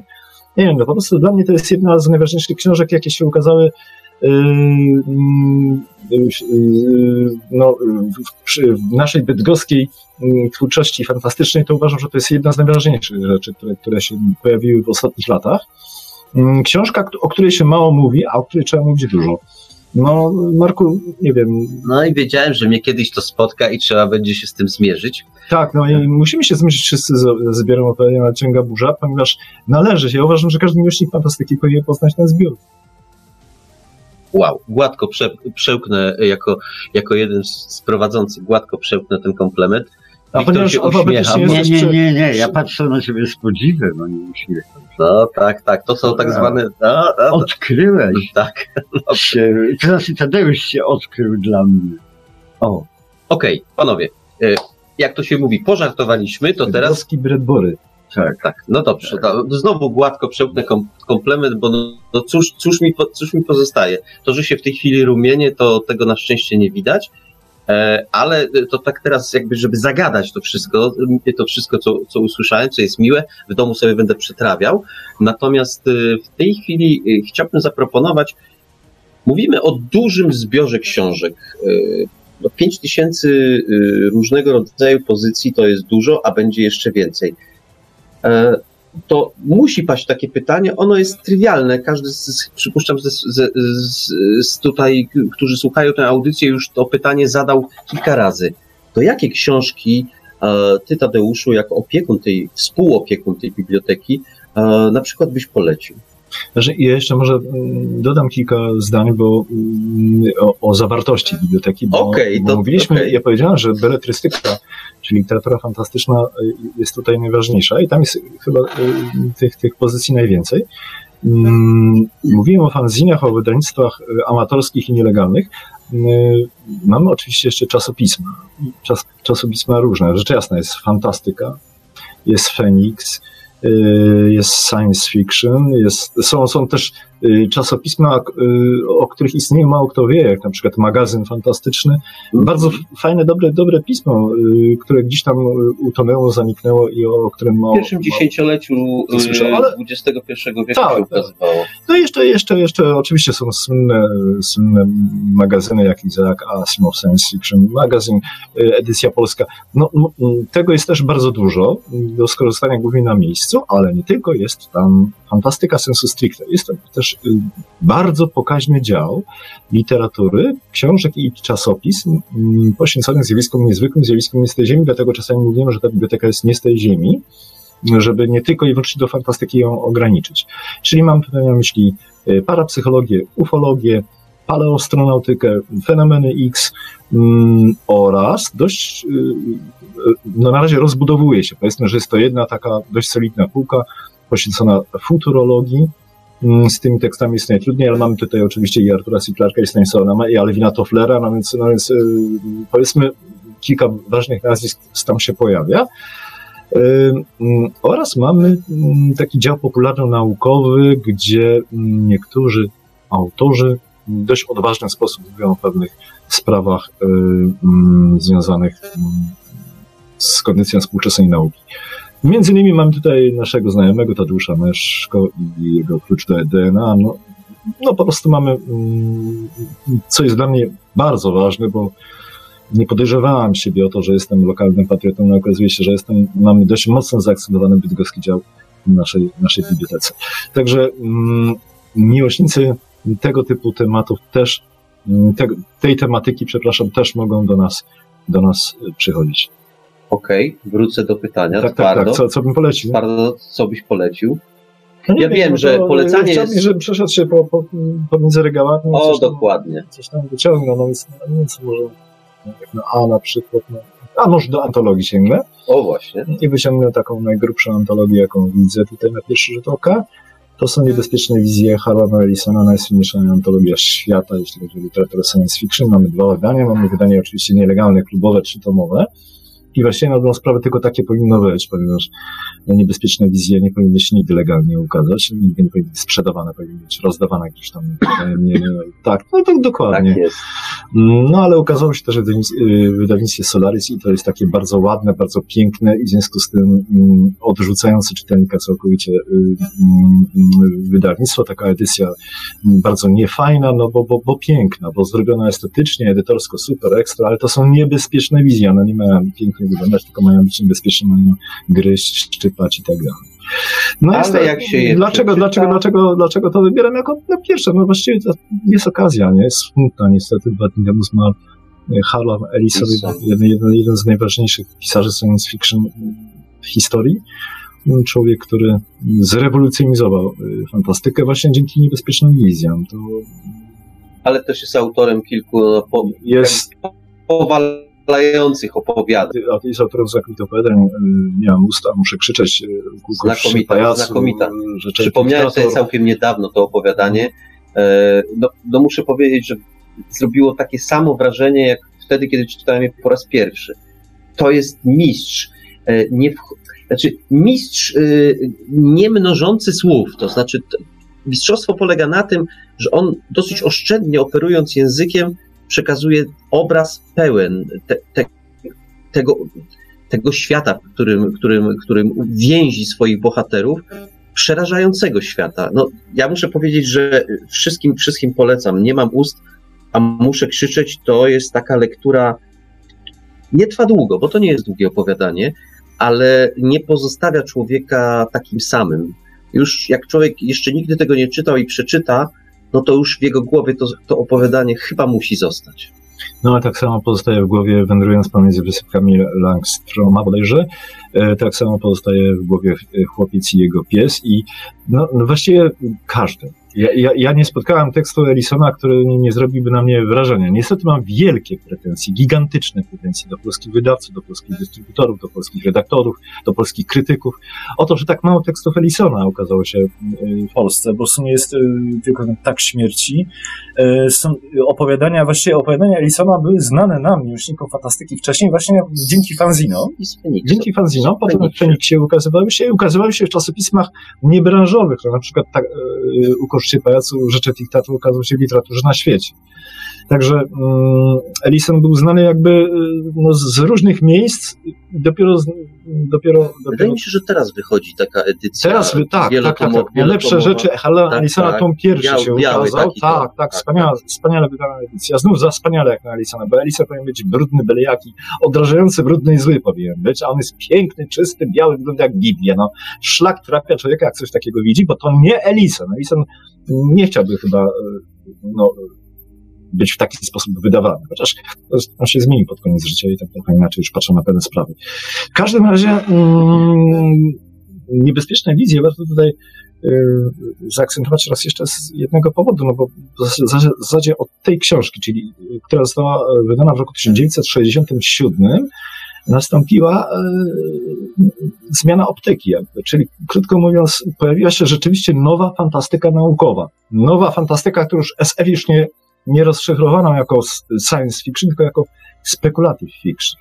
A w Ale... dodatku, w dodatku, wejdę ci w słowo, w dodatku chyba od tego momentu, no przyjmijmy tak jako kamień pewien milowy, fantastyka naukowa przestała już być taką opowiastką troszeczkę chropawą, mało literacką, a coraz częściej właśnie od, od tych niebezpiecznych wizji to już zaczynała być prawdziwa literatura, to znaczy taka, taka krwista i prawdziwa, już nie tylko, udaje, nie tylko towar udający literaturę, ale też prawdziwa literatura. Wiesz Marku, ja doskonale pamiętam ten okres, bo ja miałem wtedy 16-17 lat, jeszcze kochałem Bradberego, Asimowa, Roberta Sheckley i mnóstwo pisarzy. Wszystkich ich kochałem. Ale y, dopiero Herman Ellison to była moja literatura wtedy. Rozumiesz? Ona była moja. Tamto to było wspaniałe, ale to było coś, co było, nie? Ale jedną rzecz trzeba powiedzieć a propos niebezpiecznych wizji, bo to jest jednak zbiór opowiadań, które nie są łatwe. Użyję tego słowa łatwe, zaraz wytłumaczę o co chodzi. Bo ja pamiętam, kiedy po raz pierwszy dostałem to w swoje łapska, y, to ja się od tego odbiłem. Trafiłem tam na kilka opowiadań, które po prostu no, zupełnie nie byłem w stanie przez nie przejść. Oczywiście podobali, podobał mi się takie opowiadanie, nie pamiętam autora, Aniołowie Raka, ja to sobie nazywałem e, wesołe opowiadanie o nowotworach, bo to rzeczywiście jest zabawnie napisane. Angels. Tak, natomiast, e, natomiast e, ja się odbiłem od tego zbioru, ponieważ byłem jeszcze chyba za młody i ja czegoś innego szukałem w fantastyce. Ja go doceniłem po jakimś czasie dopiero, nie aż tak długim wcale, kiedy zrozumiałem, że E, fantastyka naukowa nie polega tylko na tym, że tam jacyś ludzie biegają, strzelają, czy w ogóle przeżywają, lądują na planetach albo z nich startują, tylko że literatura to jest jakiś, coś, coś więcej. Jeszcze jest coś pod, ponad tą zwykłą opowieścią. Jest to oczywiście narracja, jest opowieść, ale jest coś więcej. I, i tego nawet powinienem się domagać od, od pisarza, żeby mi to dał bo jak tego nie dostaję, to, to, to, to, to mogę wyjść nie, niezadowolony. I, I to dla mnie, to jest dla mnie ważne w, w niebezpiecznych wizjach, że właściwie wszystkie opowiadania, które tam są, to są opowiadania mm, no, literackie. No, nie, mam innego, nie mam innego słowa, więc zostanę przy tym. Literackie. To jest prawdziwa literatura. A na czym w ogóle polegał fenomen niebezpiecznych wizji? Warto się temu przyjrzeć. Prostu Harlan Ellison dokonał rzeczy e, zupełnie niemożliwej. Tak, tak mi się wydaje. A jednak e, ją zrealizował. Czyli krótko mówiąc, e, Harlan Ellison, no, który nie miał łatwego charakteru i który bardzo często wchodzi w różne spory i kłótnie z pisarzami, potrafi ich obrażać publicznie. Na przykład publicznie obraził Izaka Asimowa, mówiąc, że jest zerem, że jest sam wspomina to i Asimov i Ellison mniej więcej tak samo to wspominają, czyli historia jak najbardziej prawdziwa, y, gdy Harry Ellison podchodzi do Izaaka Asimowa i patrzy w niego jak Boga i, i właściwie Asimov myśli, że za chwilę ktoś, że on przed nim uklęknie i będzie musiał go jakoś namaścić. No i Ellison mówi do niego, to pan jest ten Asimov? Tak. Pan jest, pan jest pan jest dla mnie zerem. Tak e, powiedział publicznie. I on właściwie na tę sprawę um, kilka dni później już miał Asimowa w kieszeni. Asimow już dla niego pracował, można powiedzieć, bo Asimow pomógł mu stworzyć niebezpieczne wizje. Ellison obrażał ludzi, ale jednocześnie miał jakąś charyzmę nieprawdopodobną i potrafił ich zaprząc do działania. W ciągu kilku miesięcy namówił. Namówił e, no, wielu znanych, wybitnych pisarzy science fiction. Nie tylko ze Stanów, do wzięcia udziału w jego przedsięwzięciu. Kto tam nie był? Philip K. Dick, y, Robert Silverberg, Frederick Paul, Paul Anderson, Jose Philip Harman, James Graham Ballard, Roger Zelazny. No tych nazwisk można wymieniać, same y, wybitne nazwiska. Wszystkich namówił do tego, żeby w ciągu kilku miesięcy napisali do jego zbioru, specjalnie na potrzeby jego zbioru opowiadanie, opowiadanie, które, to był jedyny warunek, nie mogłoby się ukazać normalnie w czytelniczym obiegu które byłoby niecenzuralne, które byłoby um, odrzucone niejako i, i, przez krytykę, i przez czytelników, jako, jako jakieś niepokojące właśnie, łamiące schematy, I, czyli um, mroczne. No i właściwie to um, cel, który postawił y, Ellison przed tymi pisarzami nie był jasno sprecyzowany, ale wszyscy zrozumieli, o co chodzi. I w ten sposób rzeczywiście złamali konwencję, złamali schematy, stworzyli bardzo często nową stylistykę, nowe konwencje nawet powstały, bo wszystko pod wpływem charyzmatycznej osobowości Halona e, Ellisona. No, przyjrzyjmy się chociażby no, jednemu z tekstów. No, tekst, e, jeden z najbardziej niezwykłych w całym zbiorze, Jeźdźcy purpurowej wypłaty Jose Filipa tak Harmera. Jose Filip Harmer, który był pisarzem, owszem, momentami świetnym. Na przykład Kochankowie to jest rzecz niezwykła. Mm, pierwsza chyba powieść science fiction mówiąca o miłości międzygatunkowej, mm, co nawiasem mówiąc bardzo fajnie później powtórzył y, y, Mivil w dworcu Perdido. Mm, miał też takie bardziej kontrowersyjne rzeczy, aczkolwiek nie, niezbyt na niezbyt wysokim poziomie literackim, jak Jezus na Marsie, czy Jezus ciała wie, Marsie, tak. wiele ciał. Był też twórcą rzeczy typowo pulpowych, takich, no, no, jak chociażby, nie wiem, Przebudzenie Kamiennego Boga i tak dalej. I tutaj nagle tworzy arcydzieło. Tworzy rzecz pod wpływem Harlana Ellisona, tworzy jeźdźców purpurowej wypłaty. Krytycy zarzucili mu, zaznaczam, krytycy zarzu zarzucili mu, że to, co napisał, jest trudne wobec Ulyssesa. No to ja dziękuję. To, to taki zarzut. Fajny zarzut. Taki zarzut dla pisarza życzyć, tak. no to jest najwyższa pochwała, jaką można otrzymać. Zresztą otrzymał za to Nebulę. Mm, opowiadania, pojedyncze opowiadania z tego tomu zostały obsypane nebulami i nebulami Hugo. Cały zbiór osobno też. No to świadczy tylko o tym, że Ellison y, wykonał robotę no, no, a propos Farmera, to on zdaje się stworzył ten cykl taki, y, który w swoim czasie był dosyć popularny, Świat Rzeka. To, tak, tak, tak, to, tak, tak. To, jest to, też, było, to, to, jest... to, to było, to może nie jest wielka literatura, ale za, tam się znajdują pewne zabawne takie odniesienia, bo nagle, nagle poruszamy się w świecie e, znanych e, postaci, postaci historycznych właściwie. A, a ulubioną postacią historyczną jest e, Hermann Göring, Hermann który Göring, się co chwilę, co chwilę pojawia, gdziekolwiek gdziekolwiek mm, z kolei Richard Barton się pojawia. Richard Barton oczywiście nie mylić ze znanym aktorem amerykańskim, chodzi o tego słynnego odkrywcę, który mm, podróżował po Afryce. To, Zresztą to... powieść, o ile dobrze pamiętam, zaczyna się od momentu jego śmierci. Tak, tak. tak. Kiedy on umiera. Później to dużo, trochę zrodzony pomysł, ale to na początku się wydaje, możemy powiedzieć, o bohaterami są ludzie, którzy umarli, No i Ale nie znajdują się w jakichś boskich okolicznościach przyrody, wręcz Nie. przeciwnie, w bardzo materialnym świecie, a jak, co, gdzie, no to, to już, to już od- A odsyłamy to też na odsyłamy początku jest powiedziane, co możemy powiedzieć, wszyscy mają po 20 parę lat, wszyscy są e, Pi- piękni, zdrowi, piękni, nadzy i łysi. No ch- chyba tak się to zaczyna. I ta książka dlatego jest mi troszeczkę bliska. No. Szczególnie ze względu na tę łysinę. To, to, że... Okej, To to, nie ze względu na piękną młodość i urok. No to właśnie, no każdy znajduje w niej to, to, to, to, to czego chce. E, No dobrze, mamy, mamy, mamy zbiór y, Niebezpieczne Wizje, z którym, którym, który, który powstał dzięki, dzięki, Harlanowi Ellisonowi.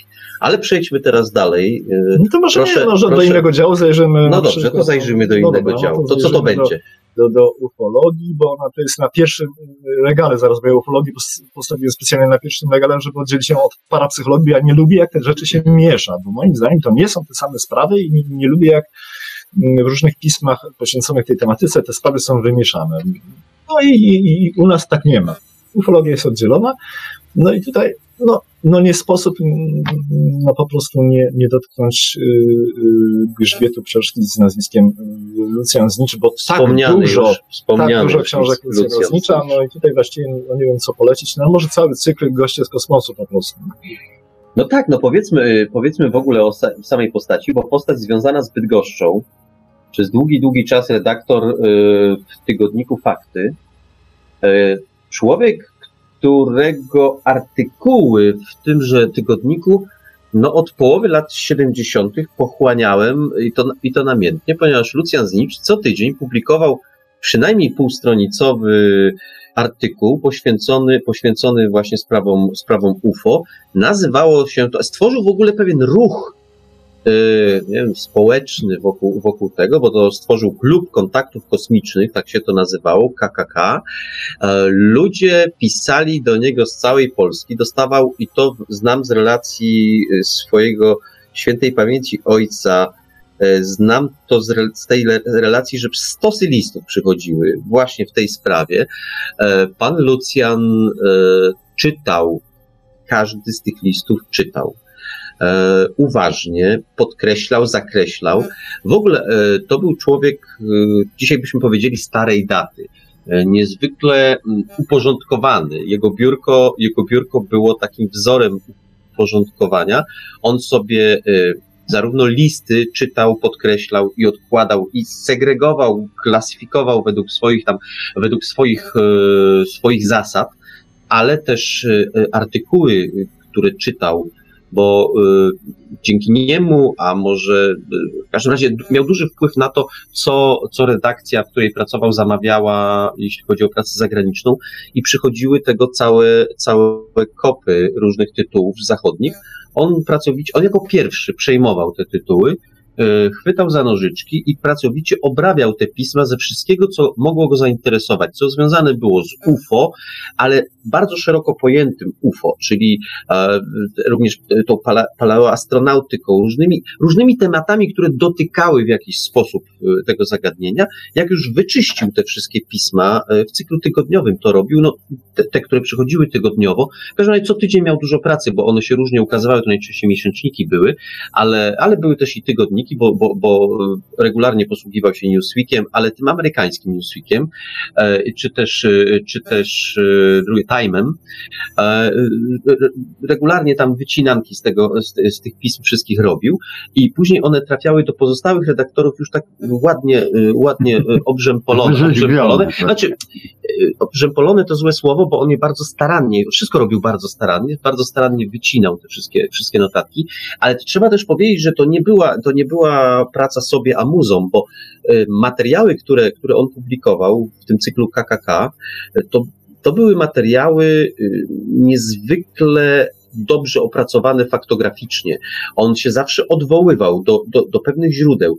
To była ta różnica, y, którą na pierwszy rzut oka widać, kiedy czyta się jego książki, a y, różnica w stosunku do innych ukazujących się w tamtym czasie.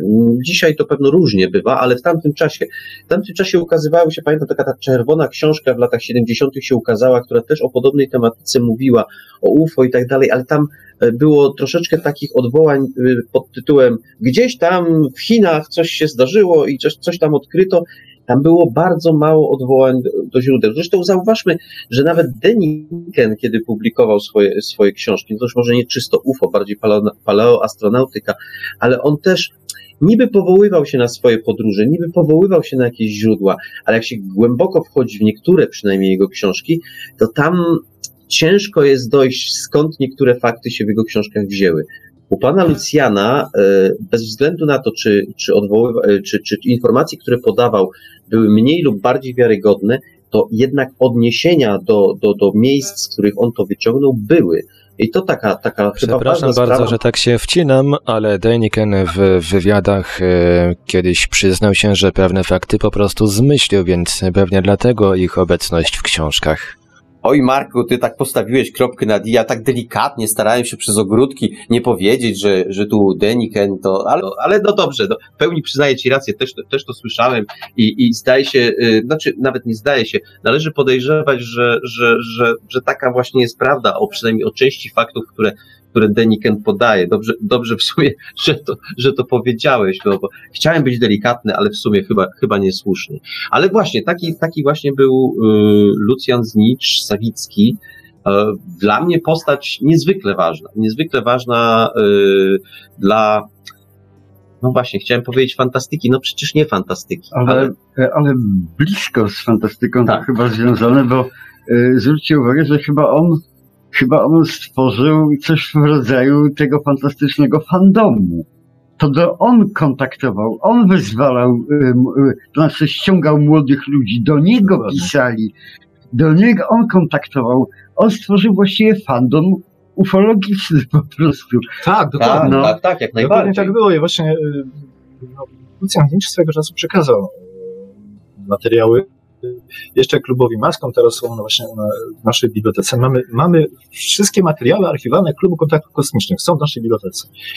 I e, jak się przegląda te materiały, to widać wyraźnie, mm, to, o czym mówił Wiktor, czyli powstał taki fandom ufologiczny. Dzięki temu, że, że istniał KKK, to Mm, powstały później pierwsze fanziny ufologiczne, wizje peryferyjne to się nazywało. Wychodziły początkowo rzeczywiście jako fanziny, takie typowo amatorskie wydawnictwa, potem zamieniły się w profesjonalne pismo pod tym samym tytułem i nawet z numeracją taką sięgającą jeszcze czasu fanzinu. Potem pojawiły się już te bardziej profesjonalne pisma jak NOL czy UFO, e, i, i ze zbiorów y, KKK korzystali no, bardzo znani ufolodzy, no, Bronisław Rzepecki, y, Zbigniew Fiejtek, y, Zbigniew Dania Bolnar, czy, czy Piotr Cielebiasz, y, a także nasz kolega Wojtek Rudziński, no, zresztą przychodził do, biblioteki i tam tych, tych materiałach mm, te, też szukał ważnych dla siebie informacji. To jest rzeczywiście bezcenny zbiór, który oprócz tego, że zawiera bardzo dużo ważnych materiałów faktograficznych, to są głównie relacje ludzi, którzy przeżyli coś niezwykłego związanego z UFO, to jednocześnie jest to właśnie też taka obserwacja socjologiczna. Jak to, jak to się działo pod koniec lat 70. w Polsce. Jak, jak powstawał taki, no właściwie w tym samym czasie, co fandom yy, no, miłośników SF. literatury SF, powstała fandom ufologiczny, tworzony przez, przez Lucjana, Lucjana Znicza. To znaczy, w tamtym czasie społeczeństwo Y, jak, że tak powiem, ten zacier zaczął fermentować po prostu i fermentował pod każdym względem.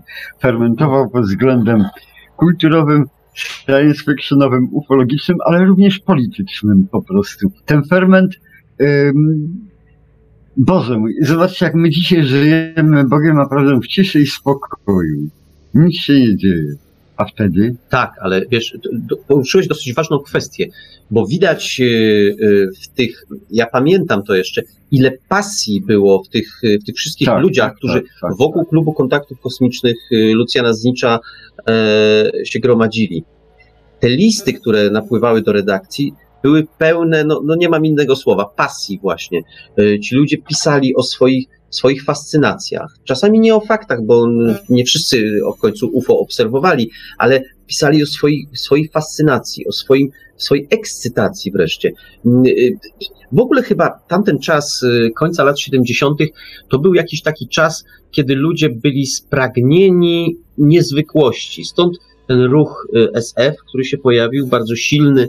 Na początku jakoś tak próba scentralizowania tego, te, tego ruchu, jakiegoś takiego nałożenia, przypuszczam, że przez władzę tej czapki takiej ogólnopolskiej, ale przecież Stąd się wzięły później nieustanne udry, które były pomiędzy poszczególnymi klubami w Polsce, a tą, tą, tą czapką w postaci, w postaci najpierw to OKM, co, coś tam, jest OKMF, SF, tak, a później Polski Klub Mieszników Fantastyki Science A później to PSMF, PSMF i wiem, że to zawsze, zawsze iskrzyło na, na, linii, na linii tej czapeczki w postaci tego, tego, tej, tej, tego ogólnopolskiego, e, ogólnopolskiej czapeczki, a poszczególnymi klubami. Które kluby, się wyzwolić. Które się chciały wyzwolić, tak. wyzwolić z tego. Niemniej jednak to, że one powstawały, te kluby i, te, i ta czapeczka w jednym czy drugim przypadku pokazuje, jak tamten, ta, ta, ta szarość socjalizmu, jakkolwiek Ludzie dzisiaj wzdychają do tamtych czasów, bo ta, wtedy przypadała ich młodość. To się trudno dziwić, że, że, że wzdychają, ale jednak były to do pewnego stopnia szare czasy i ludzie spragnieni byli niezwykłości. I stąd, stąd taka popularność KKK, stąd taka popularność y, SF. Marku, tak myślę, tak myślę. Dobrze, żeś trafił chyba, a, a, a ja coś walnę na ten temat, bo ostatnio jak byliśmy właśnie w tej Nidzicy, Czyli to, Mierkach. Tak. Ja sobie uświadomiłem, jak, ale jak mówiłeś to przed chwilą, nikt do mnie nie podszedł i nie powiedział, stary, przeczytałem ostatnio takie opowiadanie, nie wiem, Elisona albo ko- Jezu, jakie jest zachwycające. Nie spotkałem człowieka zachwyconego czymkolwiek. A jeśli, to wspominali stare czasy. Czasy. Tak. I Bogiem a prawdą chyba byłem jedynym człowiekiem, który jak dorwałem Huberata, to dopadłem go i mówię, stary, to jest genialne to, co ty robisz, nie? Wspaniałe. On patrzył na mnie jak na wariata, bo chyba jemu też tego nikt nigdy nie mówił, nie? Patrzył na mnie jak na wariata, po czym zaczął szturchać łokciem swoją żonę. Słuchaj tego, słuchaj, słuchaj, powiedział, nie? No właśnie. Bo nikt nie jest zachwycony dzisiaj, a wtedy Wiesz byliśmy zachwyceni. Otworzyłeś mi oczy. Rzeczywiście, e, jak sobie teraz e, przeanalizuję to spotkanie, niesamowite zresztą w Mierkach, gdzie było pełno wybitnych postaci polskiej fantastyki naukowej, e, masa mm, fanów, mhm. ludzi, dla których fantastyka jest czymś bardzo ważnym. Rzeczywiście nie wiedziałem tego, nie, nie widziałem i teraz wiem, czego nie widziałem. Nie widziałem tej fascynacji, o której mm -hmm. mówisz. Mhm. Wszyscy tak. byli y, tacy lekko stonowani, lekko zdystansowani, wszyscy wszystko mm -hmm. wiedzieli, y, to bardzo dobrze, to jakby, mhm. jakby to, to nie jest zarzut, wręcz mm -hmm. przeciwnie, to zaleta, bo y, tam się gromadzi w Mierkach, czy w ogóle na, na festiwalu fantastyki, gromadzi się, no, co tu wiele mówić, elita pewna, ludzie, którzy fantastykę znają, ale rzeczywiście ekscytacja chyba minęła. Nie ma czegoś takiego, że człowiek wypada oszalały, jakieś wspaniałe dzieło przeczytałem. Y, to ciekawa obserwacja. Będę musiał to sobie przemyśleć po prostu. W dawnych czasach pamiętam, jak na jakimkolwiek tym, pamiętam jak taki późniejszy wielki tłumacz cholewa bieg, biegał gdzieś, zachwalał, kurde, coś, pokazywał coś i tak dalej. Boże, ludzie byli podnieceni po prostu, zresztą wymieniali się tymi informacjami w ogóle na temat, co warto czytać, czego nie i tak dalej. A teraz właściwie jest taka błoga cisza i pełne zadowolenie po prostu. Cisza i spokój, przed burzą zapewne. No miejmy nadzieję. Zaczną płonąć te stosy jednak, burza. Nadciąga Zaczną, burza. Albo, albo Ale krótko mówiąc, nadciąga audycja o tobie, Marku. Nie, o właśnie. Unikniona. A no cóż, no cóż. Musiał to przyjąć, jak to się mówi na klatę. No, e, e, wybrnę w tego. Pomyślimy, poczekamy, pomyślimy. Nie, nie, nie mówię nie, nie, nie mówię nie. W takim razie, o, o ile ty w audycjach zawsze to ty decydujesz, to teraz ja będę decydował. No dobrze, dobrze, w porządku. Dobra. W porządku, w porządku. No dobrze, Tadeuszu, oprowadzaj dalej. No dobrze, no to w takim razie może mm, wracam do beletrystyki? No, ty a prowadzisz. Nie, a może nie. Ty. No, w takim razie przejdźmy do działu y, krytyczno-literackiego. No i wyciągniemy sobie Andrzeja Wójcika i Wizjonerzy i Szarlatani. O, Zapewne znacie. tak. Znacie również autora. Ja też Tak. miałem okazję go poznać. To właśnie jeden z tych ludzi, o których mówiliście przed chwilą, pełnych entuzjazmu, Ja tego e, przerwę. zapaleńców. Y, O tyle mam y, i dobre, i złe wspomnienia związane z, z postacią. Dobre, no, z samego spotkania. To było fajne spotkanie e, w takim y, wiejskim domku, w którym, y, w którym wójcik mieszka. Natomiast no, złe wspomnienie jest takie, że pierwsza część wywiadu ukazała się w piśmie, w piśmie Macieja Parowskiego, y, bardzo obszernego wywiadu. To był, to był naprawdę wywiad bodajże na 50 tysięcy znaków, więc to naprawdę da, da się czytać. I pierwsza część, yy, no pół przynajmniej, połowa tego wywiadu się ukazała, a później przestała się ukazy- przestała się, przestało się, przestał się ukazywać czas fantastyki i druga część już tego wywiadu nie poszła. Muszę pomyśleć, czy go jednak gdzieś nie opublikować, tej drugiej części, bo to szkoda, żeby to uciekło. Ale teraz oddaję Ci głos, przepraszam, bo Nie, no mi się wydaje, że Andrzej Wójciku to znacznie więcej powiesz, natomiast e, ja tylko chcę podkreślić, że no właśnie to był taki idealista moim zdaniem. Znaczy człowiek, który oczywiście dobrze też był obeznany w biznesie wydawniczym i wiedział mniej więcej jakie działania pod koniec lat 70. i w latach 80., szczególnie wtedy, gdy były te trudne czasy e, w stanie wojennym i później, e, podejmować, żeby literatura SF mogła się ukazywać i to w gigantycznych nakładach, bo te nakłady, które y, seria z listą osiągała, to dochodziły do 150 tysięcy egzemplarzy nawet. Także naprawdę to no, szapoba przed Andrzejem Wójcikiem. Ja tylko przerwę znowu, ja tradycyjnie muszę przerywać, E, No bo seria z glistą, e, taka czarna, jeżeli ktoś kojarzy, czarna z właśnie z tą, z tą, z tą tytułową glistą, To było SF taką tak, takie SF, to tak. ewidentna glista była po prostu. W każdym razie ta seria, ona zebrała sporo cięgów e, od, od e, czytelników, bo wtedy czytelnicy byli spragnieni w 80 latach takiej mocnej fantastyki, to najlepiej z zachodu, a tu tymczasem Wójcik prezentował polską fantastykę i to różnego gatunku, znaczy nie, nie gatunku, znaczy gatunku w sensie jakości, tak, powiedzieć. sortu, tak. E, Bo tam się ukazywały rzeczy fajne i ukazywały się no, dro, dro, rzeczy mało fajne i tu może już nie będę, nie Nie, będę nie wymieniajmy tytułów. nie wymieniajmy pewnych. tytułów, nie katujmy, nie katujmy y, autorów, ale ukazywały się, tak powiem, rzeczy bardzo nierówne. Niemniej Wójcikowi chwała za to, że ta seria w ogóle się ukazywała, bo kilku autorów, w tym tutaj obecny Wiktor Żukiewicz, w tej serii wzięło, y, wzięło udział. No Wiktor, Wiktor z, w dwóch tomach y, Imago. Imago. Już nie wspomnę o tym, o czym już kiedyś wspominałem, że spora część okładek do tej serii była przez Wiktora właśnie plastycznie opracowywana. Ale znowu, to już, już przestaje przerywać. Nie, nie, nie, to znaczy Wiktor Żwikiewicz oczywiście był w tej serii, a był tej, tej serii Krzysztof y, Boruń, e, był Stefan Weifert, e, także no, by- byli pisarze, a, a byli też pisarze właśnie, którzy mm, bardzo kontrowersyjni, którzy wywołali burzę, jak na przykład Mieczysław Kulkisz. No, Niektórzy uznali, że jest to nieporozumienie wydawnicze, Bez przerwy wypełniać bez przerwy tę wypełniać tę- tę ciszę. Tak, albo, albo, albo yy, Krzotkowski. Tak samo. Ludzie, Właśnie, ludzie dokładnie. na, kre, na, na jego książkę absolutnie tam jest Marka, bo właściwie byłem jedyny, który czasami krzyczał z zachwytu, że to jest wyśmienita powieść, nie? No, Chociaż pisana tak czy inaczej, no ale ukazała, się, ukazała się tam Tak. książka Kreks, Tak. o której usłyszałem na ostatnim właśnie, y, na tym, na tym festiwalu, na który, Mhm. którym mieliśmy zaszczyt być. Usłyszałem, że w Polsce jest tylko kilku ludzi, którzy Kreks od początku do końca przeczytali. No to ja jestem jeden z nich. Ja nawet No. przeczytałem trzy razy chyba. Okej, e, tu- to raczej było wypowiadane e, w takim e, no, charakterystycznym dla autora tych słów. e, Mówię o tym, że, e, o tym, że niewielu ludzi. On raczej był skłonny przypisywać, że to on jest tym. e, Mówiąc niewielu ludzi, to była taka, e, taka przenośnia, tak naprawdę miał na myśli siebie i tylko siebie. E,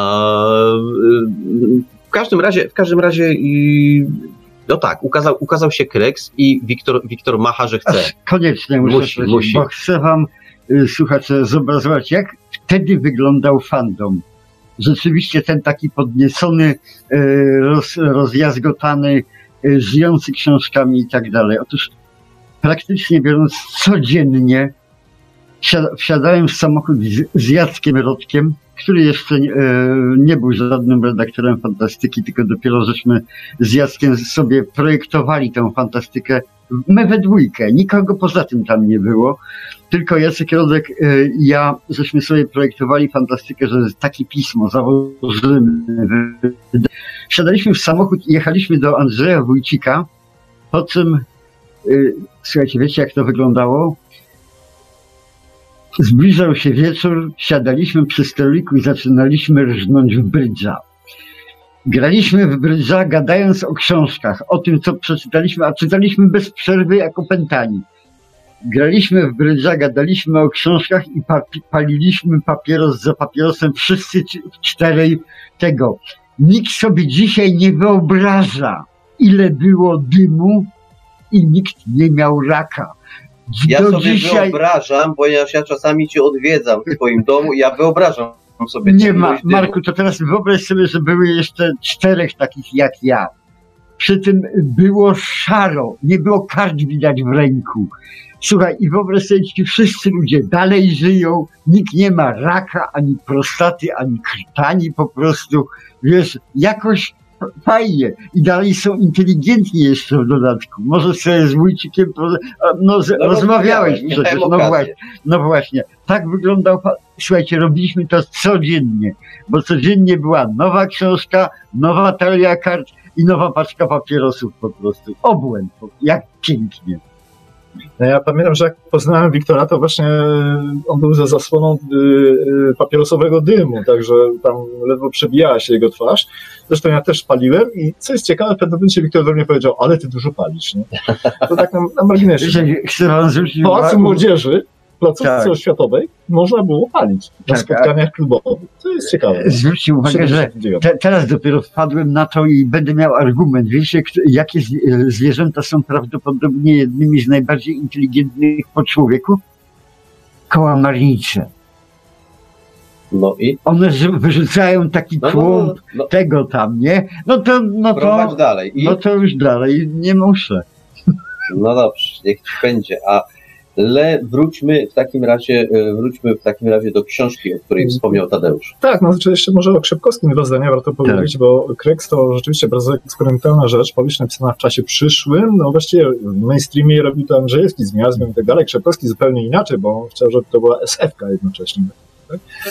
No znaczy, i... Do tego było uzasadnienie, no, że tak, to logiczne, że skoro tak, tak. piszemy powieść o przyszłości, to jedynym logicznym e, mhm. wyjściem byłoby pisanie jej w czasie przyszłym, a nie przeszłym. No ale idea Kreksu no, przedstawiona w tej książce w sposób, y, no, moim zdaniem, y, Szybkowski wybiegł w przyszłość, jeśli chodzi o pomysły y, w literaturze SF, które pojawili się dopiero niedawno. Mm -hmm. I, I Kreks mm -hmm.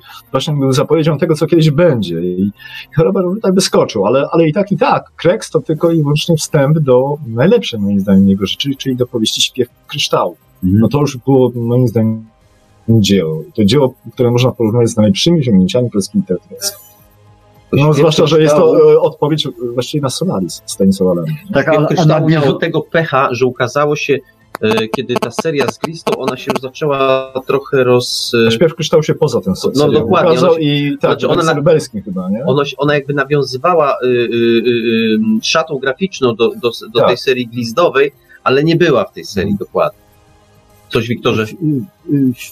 Tacy pisarze, którzy wyskakują jak Filip z Konopi poza szereg e, aktualnie, że tak powiem, w tym w tym stojących... Przepraszam, tego... coś mi się przypomniało, przecież no. Szepkowski też potworne ilości papierosów pali. Chyba tak, tak, no, tak, no, tak, oczywiście, nie. że tak, oczywiście, mhm. że tak. No, to tak na marginesie. No, przepraszam. No, no, no i dlatego, żeśmy tworzyli, bośmy palili po prostu, a co dzisiaj, dzisiaj można tylko spalić te książki po prostu, bo to jedyne jeszcze niezabronione. Nie? Ale zacząłeś coś o Krzepkowskim.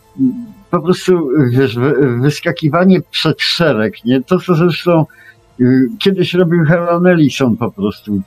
Przynajmniej tak zmotywował tych ludzi y, y, do wyskoczenia przed szereg, przed samych siebie nawet, przed tego, przed, przed to, co robili na co dzień, nie?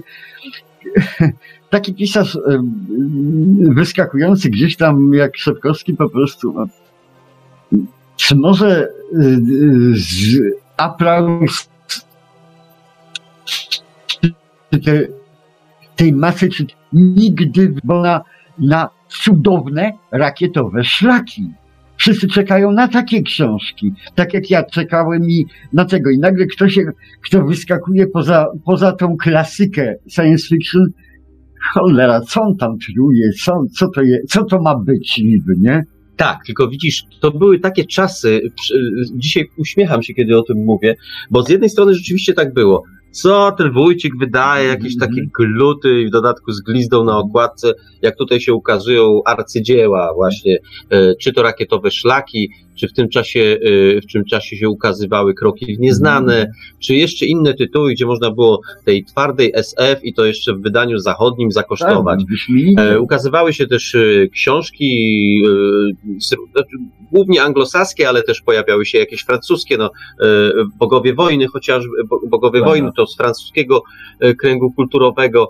Mm, ukazywało się sporo zachodniej literatury, rozumiem, ostatni statek z planety Ziemia chociażby, to też koniec lat 70. Y, i tak dalej, i tak dalej. Trochę się tego pokazywało i ludzie mówili, e, tam a ten wydaje, ten Wójcik w tej serii z glizdą jakichś tam Polaków, jakiś tam a w dodatku to nie jest coś takiego na miarę chociażby wiru pamięci czy cylindra Van Troffa, bo to też koniec lat 70., tylko jakieś takie, takie tam.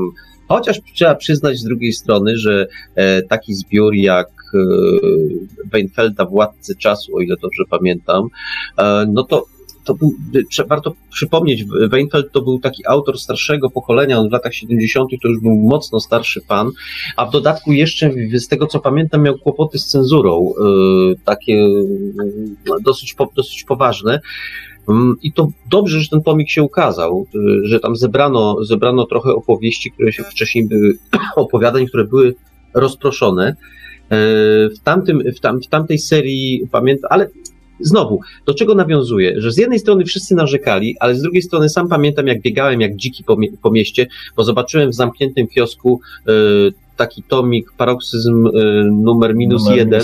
Ryszarda Głowackiego. Tak, Głowackiego. Zobaczyłem w zamkniętym kiosku i nie uspokoiłem się, póki nie obiegłem połowy Bydgoszczy, żeby wreszcie dostać tę książkę w którymś z kiosków, który był, był akurat otwarty. I tak tak się, tak się reagowało wtedy. Nawet na te książki z glizdą, to i tak człowiek za nimi biegał po prostu. E, to taki, taki paradoks, że wszyscy wtedy narzekali. E, no, notabene Wójcik przecież wydał, wydał książkę, e, wydał książkę z, wspólnie z kim? Z Krzepkowskim. Krzepkowskim właśnie, właśnie dokładnie. Obszar, obszar nieciągłości. Jedna z pierwszych książek tej serii. Z paskudną różową okładką, ale, tak, ale, ca, ca, ale całkiem ciekawa tak, tak, antyutopia tak, tak, i nawiasem mówiąc tak. dostrzeżona przez ludzi spoza fandomu którzy mówili, że nareszcie ktoś odważył się mówić głośno o pewnych sprawach w naszym tak. E, w państwie luńskim, tak. krótko mówiąc.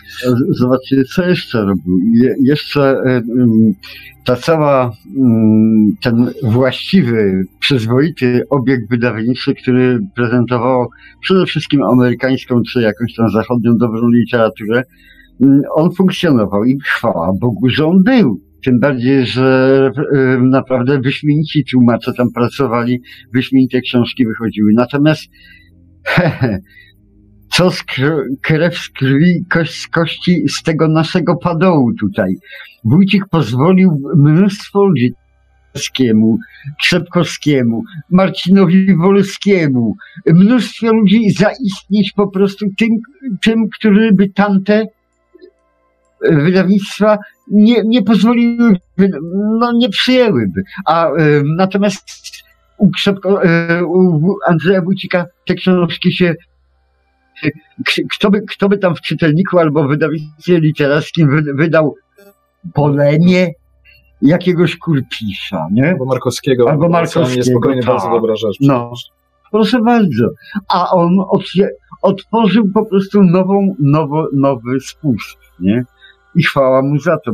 Według mnie zrobił ogromną robotę. Właśnie dlatego, że po prostu zwolnił tamę w miejscu, gdzie było totalnie zablokowane miejsce. Nie, no jak najbardziej. Ale tam, to... ale tam ukazało się, co, co trzeba podkreślić, bo w sumie mówimy o pisarzach takich, y, którzy wtedy y, mm. debiutowali, właściwie y, nazwiska wówczas nieznanych jak Kurkisz Markowski czy Krzepkowski. Natomiast, natomiast y, ukazało się też 18 twierdzić dzieła dzieła w tej serii. No, naprawdę to nie, no po prostu wiadomo, Imago. No to jedna z najważniejszych polskich powieści SF. Małe zielone ludziki Krzysztofa Borunia. No, tak. Rzecz genialna. Tak. Boruń sam zresztą uznawał, że jest to jego najlepsza książka. Jest to właśnie ostatnie Mhm. wielkie dzieło beletrystyczne y, Krzysztofa Wolny. Uwaga, i teraz mówię z całą mm, mm, rozwagą i, i na jaką mnie stać. Adam Holanek kochać bez skóry. Mhm. Dużym Rzecz formacie. Znakomita. Dużym Znakomita. czło, y, człowiek, który był przez fandom odsądzony od czci wiary, jako pisarz mm, absolutnie przegrany, jako nazywano go nawet jakimś grafomanem polskiej fantastyki. Mhm. Stworzył dzieło. Dzieło. To, y, kochać bez skóry to, to dzieło.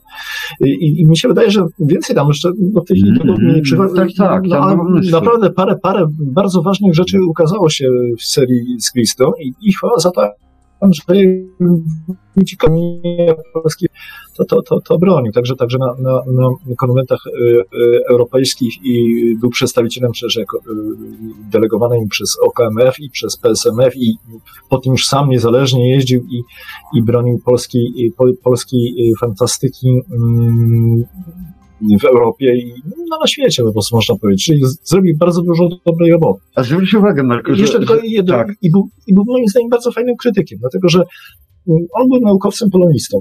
Pisał mm, teksty krytyczne, pisał językiem bardzo prostym. prostym, jasne. Tak, i, i naprawdę i było widać, że moim zdaniem zmarnował się jako, jako pisarz, bo było widać tę żyłkę beletrystyczną. No, jak czytałem jego biografię Lema, nawiasem mówiąc, to właśnie Wójcik przymierzał się jako pierwszy do biografii Lema, napisał bardzo obszerny tekst o Lemie i gdyby nad tym popracował jeszcze przez parę lat, to to byłaby pierwsza biografia Lema, Lema e, która by się ukazała już w latach 80. No to ja czytałem to z wypiekami na twarzy. Tak zebrać wspaniale informacje. Wójcik mówił, że nawet zbierał informacje z gazetek ściennych, jeździł do zakładów pracy, gdzieś Mhm. w, tych, w tych gazetkach były jakieś, ktoś napisał o, odręcznie coś na temat fantastyki albo, albo jakieś opowiadanie science fiction czy cokolwiek, to on to ściągał, zabierał, kopiował jak mógł, no bo dla niego to były materiały, które potem wykorzystywał. No właśnie jak się czyta, czyta yy, na przykład yy, yy, w jaki sposób odbierali Polacy yy, astronautów. To on wyciąga głosy, które się ukazały gdzieś w przekroju, jakiś, jakiś albo o których już w ogóle historia zapomniała, jakieś niesamowite wypowiedzi. Jak się okazuje, aura wokół tej powieści była niezwykła, ale o tym nigdzie nie, nikt nie mówi. Nawet, nawet teraz, jak, jak, jak w tej nowej biografii Lema, Kucik potrafił z, z różnych dro, drobiazgów utkać jakąś taką fajną tkaninę. Mm, I, wychodziło mu to bardzo dobrze. Szkoda, że go, że go właściwie tak na dobrą sprawę już na, na rynku y, literackim nie ma. No, zwróć uwagę, że on w pewnym sensie był prekursorem albo y, taką samą rolę później Marek już w naszych czasach, tych takich nowożytnych, y, pełnił Robert Schmidt na przykład. Też puś, y, dając możliwość ujścia polskiej nowelistyce młodym ludziom, którzy jeszcze nic nie pisali albo dopiero de- debiutują. Tak, ja ci przyznaję rację, bo mm, można róż... Znaczy, ja wiem, że Robert Schmidt w niektórych pierwszej prasy, bo mu tam jedni zarzucają to, drudzy tamto. Ja nie będę wchodził w tę dyskusję, ja mam, ja mam dużo sympatii y, dla Roberta Schmidta, ale powiem jedno. Moim zdaniem nawet najbardziej zajadły krytyk Roberta nie może odmówić mu tego, że to właśnie on odpalił y, modę na polską fantastykę. To, co później y, się stało, że powstała trzeba publikować w dużej ilości Polaków, to było wtórne w stosunku do, do y, science fiction, czy później science fiction, fantasy i horror, ponieważ to Robert Schmidt odpalił ten swoje, to, to, tę swoją konkurencję dla fantastyki, y, dla fantastyki, która mm, bardzo y, cięła polskich autorów, nie dawała mm, tej możliwości no, pierwszego, pierwszej publikacji może jeszcze pierwszej, którą się można było ucieszyć, którą się można było podeprzeć, którą, o której można powiedzieć, patrzcie, opublikowałem, teraz będę publikował następne. To daje duży, niektórym autorom daje duży power i, i sprawia, że oni zaczynają pisać dalej. Robert Schmidt to umożliwił. Na początku nowego wieku odpalił to swoje pismo i, i ono zaczęło, ono sprawiło, że masa ludzi młodych a nie tylko młodych, chwyciła za pióra czy klawiatury i zaczęła po prostu pisać opowiadania. Lepsze, gorsze, nudne, zajmujące, nieważne. Były. E, Na, Zobaczcie Państwo, jeśli to prześledzicie, to to widać bardzo wyraźnie, że pojawiła się w pewnym momencie moda na polską fantastykę, zaczęto jej coraz więcej wydawać, a później to już po, po przechwyciła fabryka słów i przy wszystkich, przy wszystkich dobrych rzeczach, które fabryka słów zrobiła, no to między innymi później ugrobiła, ugrobiła to pismo już nie za czasów, y, nie za czasów Roberta Schmidta, e, tylko, tylko kolejnego redaktora naczelnego. E, y, no niestety, niestety to chyba nie był, to, to chyba nie był najlepszy krok, żeby, żeby, żeby pismo tego rodzaju stało się pismem wewnętrznym wydawnictwa. To sprawiło, że ono straciło pierwotny koloryt, straciło pierwotną siłę e, i pierwotną rolę, którą odgrywało. Tam się już autorów e, w tym, w tym wydaniu Fabryki Słów e, mocno selekcjonowało, patrzyło się, czy nasz, czy nie nasz, czy może być nasz, albo czy chcemy, żeby był nasz. To już, to już chyba nie było to wtedy. Mhm. I zobacz, tak jak mówiłeś, co odpalił Robert Schmidt w tym czasie. Przecież tak samo kiedyś, wcześniej, e, Andrzej Wójcik odpalił serię z glizdą po prostu. Tak, To był tak. zupełnie nowy, nowy ruch na polskim. Tylko, no właśnie, to, to o czym mówił, o czym mówił Tadeusz, tylko y, y, o ile Robert Schmidt potrafił y, wykorzystać to, Mhm. to dla, również do tego, żeby y, zająć się własną twórczością, no Wójcik tego nie zrobił. Był, te, był ten, był, była ta, ta próba z Krzepkowskim, ale, ale później już nie pisał właściwie. Ale pisał potem. Marku, po, potem był ten okres e, politycznej zawieruchy, no tak, której e, nie przeżyło prawie żadne wydawnictwo sensownie, a pisarze normalnie zdychali po prostu. tak. A, ale mówię, a Robert A ja, rob, a ja rąbałem drzewo w Bieszczadach po prostu. A Robert Schmidt y, potrafi, potrafił y, po pierwsze wykorzystać modę, którą sam stworzył, ale to bardzo dobrze. A po drugie, myślę, że dzisiaj Robert może się śmiać z tych wszystkich, którzy mówią, że on to, czy tamto, czy owamto, bo e, można prozy tego rodzaju nie cenić, uważać ją, że jest zbyt rozrywkowa i, coś tam jeszcze, coś tam jeszcze. Natomiast e, ja uważam, że, że Robert ma swoje miejsce i to myślę, że na długi, długi czas i na stałe e, w, wśród pisarzy. Pisze prozę specyficzną, ale moim zdaniem pisze ją e, z pewną perfekcją, e, która sprawia, że chce się to czytać. Jedne tytuły bardziej. E, Te, ta, ta seria o zombie, zombie we Wrocławiu niekoniecznie mnie porywa, ale już te jego space opery jak najbardziej, bo ja lubię space opery. To na przykład. Mm. A wy macie tam w bibliotece Grączkowskiego jakieś space opery? Grotowskiego, e, no, śmierć w kosmolocie, tak? No, Ale nie O, Gruntkowskiego nie, space nie, opery, nie, tylko w ogóle w ogóle. space opery. No więc jeszcze Grudkowskiego mamy, no dobra, no to mamy właściwie chyba wszystko Grudkowskiego. Na pewno wszystko. Mhm. No ale y, co jeszcze warto dodać, że oprócz wszystkich książek Jurka, to mamy też, ja wiem, wiem, Mhm. teraz żartuję, że nie zrozumiałem, y, o Space Opera za chwilę, ale jeszcze dodam, to jest bardzo ważne, mamy też bardzo y, bogate archiwum. Y, Rodzina Jurka Grudkowskiego zostawiła nam To miało być na później pytanie. Ale Tak? dobra, mów. Dobra, No dobra, okej. to mów, mów Okej. teraz. Nie, no mamy Space Opery. Mamy Space Opery. Mamy Space Opery, no i teraz możemy, poszperamy na półce ze Space Operami. No wyciągam pierwszą z brzegu. Tak akurat wyszło. Z Jewgiesniego. O, o, o. A, to stara space opera, Dalekie dobra. szlaki, ludzie jak bogowie, dalekie szlaki i jądrze galaktyki. Ale w dodatku jeszcze mi coś przyszło do głowy. Pamiętasz, mówiłeś o farmerze, o tej miłości międzygatunkowej. Mhm. Tam też się główny bohater za, zakochuje w węża pannie z Tak, tak. Tak, ale to jest miłość platoniczna. No, no mój, bo, no mój Boże. No, to, Podczas gdy bohaterowie farmera są kochankami. no dobrze, no nie. Uprawiają seks. ale- z tego seksu coś wychodzi na No dobrze, ale, do ale, ale mimo wszystko ta miłość. Pla... Znaczy, powiem tak, pewno dlatego tak mnie to zachwyciło, bo ja czytałem w czasach, kiedy miłość dla mnie była wyłącznie platoniczna. To Aha, no w ogóle czas, no, słuchacze tak, może że- nie wiedzą, my, my z Wiktorem jesteśmy starzy, a Marek jest młody i w ogóle jest innego pokolenia tak naprawdę. Lekuchno innego, lekuchno. No, No młody, daj młody to już jest nadużycie po prostu. Ale, ale dobrze, no. no Znaczy, to Wiktor mamy... też jest młody duchem, rzecz jasna. A ty jesteś? Ja jestem starym dziadem. No pokietuję was, chcę, żebyście zaprzeczyli. Ale... No, ale wiesz, no. Wiesz, no nie, nie, nie, to cisza. No, no cisza, no, no, no mówię, no nie można liczyć na człowieka, no po prostu nikt No. ręki nie wyciągnie.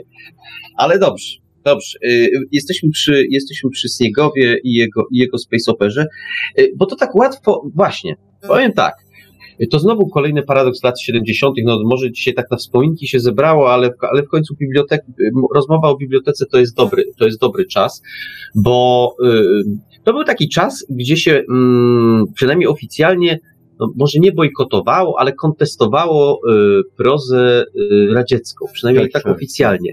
Ale śmieszność polega na tym, że większość tych kontestatorów, takich, co, co, co pyszczyła, wszyscy, jak i tych, których znam, co mocno pyszczyli, wszyscy czytali to. Wszyscy czytali i to nie tylko Space No Opery. Space Opery, ale y, nie wiem, czy pamiętacie, taki był zbiorek Wynalazca Wieczności. Tak. Tam były super opowiadania. Oczywiście. Tam były super opowiadania.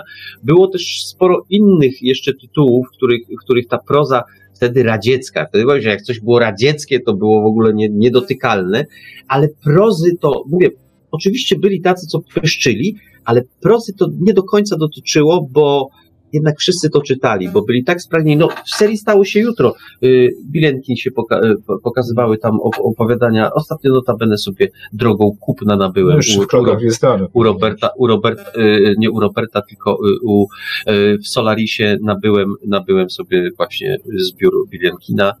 Y, Wojtek Sedeńko właśnie coś takiego wypuścił. Warto. Dzisiaj się, dzisiaj się potwierdza to, że ta proza, że ta proza była niezła po prostu. No Ilia Warszawski Ilia chociaż. Warszawski. Ilia Warszawski. Ja pamiętam, że to on Warszawskie jego oryginalne nazwisko Mickiewicz. To jest ciekawe, nie? Ro- Rosyjski pisarz. Tak, a w dodatku, kiedy, kiedy sobie przypomnę, że e, ta proza mnie bawiła, mnie nastolatka, ponieważ ona, ale nie bawiła tak, że się hahałem głośno, tylko taka pewna jej subtelność. On się bawił, e, Warszawski się bawił z czytelnikiem, czasami mocniej, czasami słabiej, ale mnie to bawiło. I ta, ta ja wiem, że szukałem, szukałem tego, doszedłem do te, doszedłem nawet e, do takiego wariactwa, nie, to nie wariactwo, to w gruncie rzeczy e, pewna, pewna fascynacja, że kupiłem tomik Ilii Warszawskiego e, po rosyjsku. I czytałem jego opowiadania po rosyjsku, bo niektóre, niektóre się w Polsce nie ukazały wtedy i, i ja je czytałem po rosyjsku. Wie- e, Wiecie, po tym całym wysypie fantastyki zachodniej, które tego, ja czytałem wszystko wtedy, natomiast e, mm, chyba, nie wiem, krytycy powinni to analizować, ale e, te ruskie wydania wszystkie, one miały troszeczkę inne brzmienie wtedy, w tamtych czasach. One były, jakby to powiedzieć, po rosyjsku może dużo ścipatelnie, nie? czyli bardziej takie miękkie, bardziej człowiekiem. e, Coś było w tym innego. Ta ruska dusza w tych opowiadankach była. E, One wyraźnie się różniły od, e, od tej angloamerykańskiej mm, fantastyki.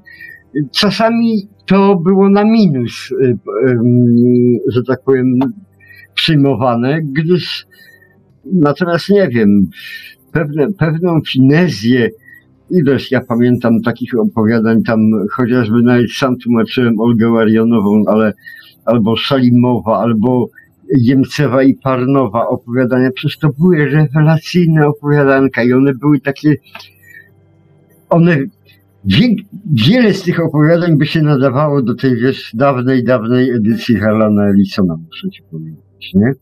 Właśnie tych ruskich. No, ale było, minęło. Na pewno nadawaliby się tam strugacy. Nieco A Strugacy to na pewno. absolutnie nie? wątpliwości. no. No, Znaczy, ja muszę powiedzieć, że y, ja nie wspominam tego tak jak Marek, że jakoś jak była to książka pisarzy mm, radzieckich, no to, no to, no to mm, może ewentualnie trzeba y, y, zastanowić się, tak, zanim się ją dotknie. I, i wiesz, Marko, no owszem, bardziej czekałem na opowiadania na twórczość amerykańskich pisarzy, tak? Mhm, To jest tak, oczywiste. Ale choroba, ja nie byłem rozczarowany, no, może z jakimiś tam wyjątkami, opowiadaniami rosyjskimi. Jak, jak miał się ukazać kolejny Bułyczow, jak miał się u, u, u, ukazać, no o Strugackich już nie wspomnę, e, no to, no to, no to ja cieszyłem się, czekałem na to. I, i, Ja się tu na chwilę... Ponadto e, ta rosyjska literatura jeszcze, ta stara literatura, ta jeszcze e, e, taka mm, mm, utopijno-prokomunistyczna, Tak, tak, tak, jak tak. na przykład Mgławica Andromedy Jefremova. Mhm. Rzecz świetna. No Co tu dużo mówić, no. M- m- można odrzucić całkowicie ideologię. Można, można mm, Czuć nią W nawet przeciwieństwie, w przeciwieństwie do obłoku Magellana Stanisława Lema, e, Mgławica Andromedy bardzo podobna e, powieść, ale to jest zupełnie potęga w porównaniu z Magellana. No oczywiście, że tak. No a Abramowie, jeźdźcy znikł. Tak. A, a, a mm, Gromowa i Komaro i, i na tropie tajemnicy. No Mhm. przecież to te wszystkie rzeczy Mhm. Coś za, nas. coś za chwilę A Sniegow, no, Coś za chwilę powiem na temat jeszcze tej, ale wrócę, y, znaczy y, rzucam okiem co jakiś czas na czat i powiem tak, bardzo dziękuję mm, panu Teodorowi, y, no mniejsza o to, co dalej, za bardzo światłą uwagę, w której pisze do nas, że po raz pierwszy audycja prowadzona na trzeźwo. Bardzo dziękujemy, to jest rzeczywiście, bardzo mnie to wzmocniło, bardzo mnie to wzmocniło, szczególnie intelektualnie. E, Dalej, e, no, jest tu kilka uwag, e, kilka uwag dla Wiktora na temat palenia, palenia, palenia papierosów. Między innymi jeden, jeden z czytelników pisze, że panie Wiktor, palenie tytoniu to najgorsze gówno. Dalej już nie będę czytał, ale no, to powinieneś sobie wziąć do serca to, co, ci, co nasi słuchacze ja zawsze byłem gówniarz. No tak, tak, no niech ci, niech ci będzie. No w każdym razie, w każdym razie, yy, no a wracając jeszcze do, wracając jeszcze do, do, do, do, tej, yy, do, tej, yy, do tej literatury. Ja mam o tyle, yy, o tyle takie spojrzenie na literaturę yy, radziecką, że ja później po tym pierwszym yy, kontakcie z, z warszawskim zacząłem kupować sobie różnego rodzaju yy, to, tomy po rosyjsku i wierzcie mi, yy, to, my nie doceniamy roli, jaką pełnili, pełnili redaktorzy y, w Polsce, którzy dobierali literaturę. Oni nam naprawdę w tamtych czasach dobierali rzeczy niezłe. Bo w Związku Radzieckim ukazywała się jednak masa shitu. Tam były takie powieścidła, które no Pierdalno i Daragoj na przykład, coś takiego było. No, to było okropne, po prostu okropne. Szkoda mojego czasu, na, by, jak już stwierdziłem, że szkoda czasu na czytanie czegoś takiego, więc ja, ale żeby nie przedłużać, my po prostu mieliśmy znakomitych redaktorów, którzy selekcjonowali, dobierali tę literaturę i pewnie dlatego y, dzisiaj, kiedy wspominamy te nasze lektury, to mamy raczej pozytywne wspomnienia, że to dobre, dobre rzeczy były po prostu. Ale to dotyczyło nie tylko literatury rosyjskiej, także zachodniej. Mhm.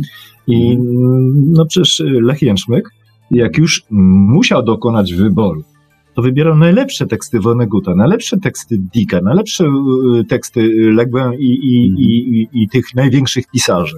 Od razu dostawaliśmy teksty z grubej rury, że tak powiem. Było Śniadanie Mistrzów, był Jubik, był, był Czarnoksiężyk z Archipelagu i tak dalej, bo no bo w zasadzie dlaczego, jeżeli on rzeczywiście miał możliwości ograniczone, no to starał się o to, żeby tekst był żeby to był Tym bardziej, że zwykle sam go tłumaczył, czyli wybierał najlepsze, a po co miał tłumaczyć gorsze, nie? no, Gorsze. No tak, tak, to prawda. No, dlatego mówię, to chwała, chwała tym, tym redaktorom, którzy wtedy y, z różnych względów dobierali te teksty, bo to były względy finansowe, bo y, to, na co cierpi, cierpiała socjalistyczna gospodarka, to y, ustawiczny brak dewiz na zakupy, na zakupy tytułów.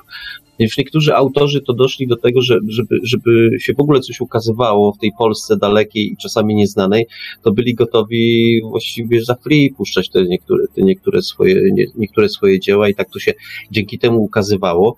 Ale byli też tacy autorzy, którzy nawet jakby coś chcieli puścić za free, to by się po prostu nie ukazali, bo byli objęci cenzurą. Ja przypomnę tylko, że, y, że tak było, y, tak było z kilkoma autorami, którzy mieli to nieszczęście i wyrażali gdzieś tam na zachodzie swoje y, na przykład prawicowe poglądy albo wypowiadali się na temat y, wojny w Wietnamie i oni natychmiast trafiali, trafiali na, na indeks i nie mieli szans, żeby się, że- żeby się, poka- żeby się pokazać.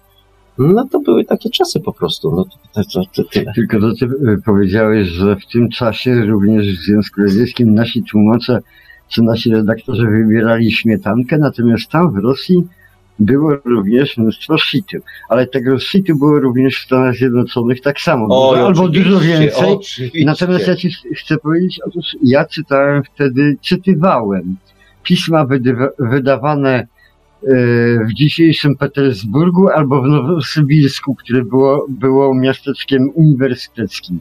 Tam nie było tego sowieckiego shitu, ani e, w tych pismach nie było takich gównianych rzeczy. To były bardzo dobre, No widzisz, elitarne. no widzisz Wiktor, jak, jak prowadzimy audycję na trzeźwo, to zaraz nam lepiej idzie.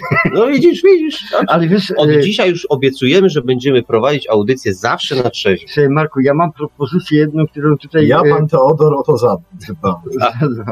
E, Otóż ta, ta, Tadeusz tutaj strzelił w jedną powieść i chyba, Marek, musimy po, poświęcić jej audycję bezwzględnie. Śniegowowi, tej trylogii Śniegowa.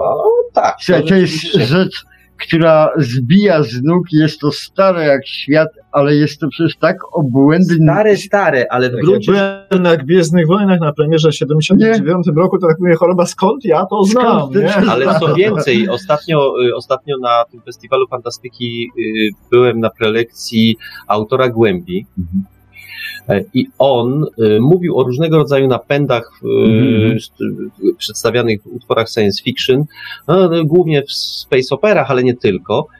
I tam on mi uświadomił, że y, napędy stosowane przez Tak. Śniegowa, przez wytwarzanie tej pustki i tak dalej, Anihilatory Taniewa. tak, to, to, to było niezwykle, jeśli weźmiemy pod uwagę ten, ten, ten, te, światy fantastyczno-naukowe, to było niezwykle nowoczesne rozwiązanie, to pojęcie, te, to, takie przedstawienie, to, te, te, te, te wyt- to wytwarzanie pustki, e, w ten sposób poruszania się i tak dalej, że to było niezwykle nowoczesne e, i i, i, właściwie wszystko, co było, no może nie wszystko, ale sporo tego, co się ukazało potem, to było no, świadome bądź nie powielenie, powielenie tego jednak. I w związku z tym, w związku z tym to, to jest lektura, która, którą pewno będziemy musieli gdzieś tam w naszych Mhm. lek, lekturach bibliotekaryjnych również uwzględnić.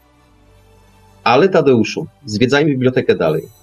No dobrze, to może niżej gdzieś tam zajrzę, no Rzet mamy, no to tam mamy Żuławski, Żwikiewicz, Żelkowski, no Żwikiewicz już był, Żelkowski będzie osobno, tak, tak, tak, tak, że, no zaraz, zaraz, no, ale to dobra, gdzieś tam wyżej skoczę, a może Wonegut, o, Wonegut. Wonegut, co z brzegu?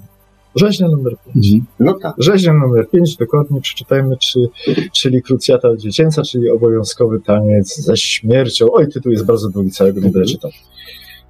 Rzecz absolutnie wyjątkowa, wyjątkowa, ponieważ właściwie traktowana przez bardzo wielu krytyków, odbiorców, czytelników jako że Mało pozycja fantastyczne. mainstreamowa. Tak, dokładnie. I właściwie, gdy ja czytałem to po raz pierwszy, byłem wtedy dzieciakiem, miałem tam chyba 16 lat, to też myślałem, że się pomyliłem. Bo jest w tytule mowa o latających talerzach przylatujących z y, planety Talpa Madoria, więc prawdopodobnie to będzie SF, a tutaj nie.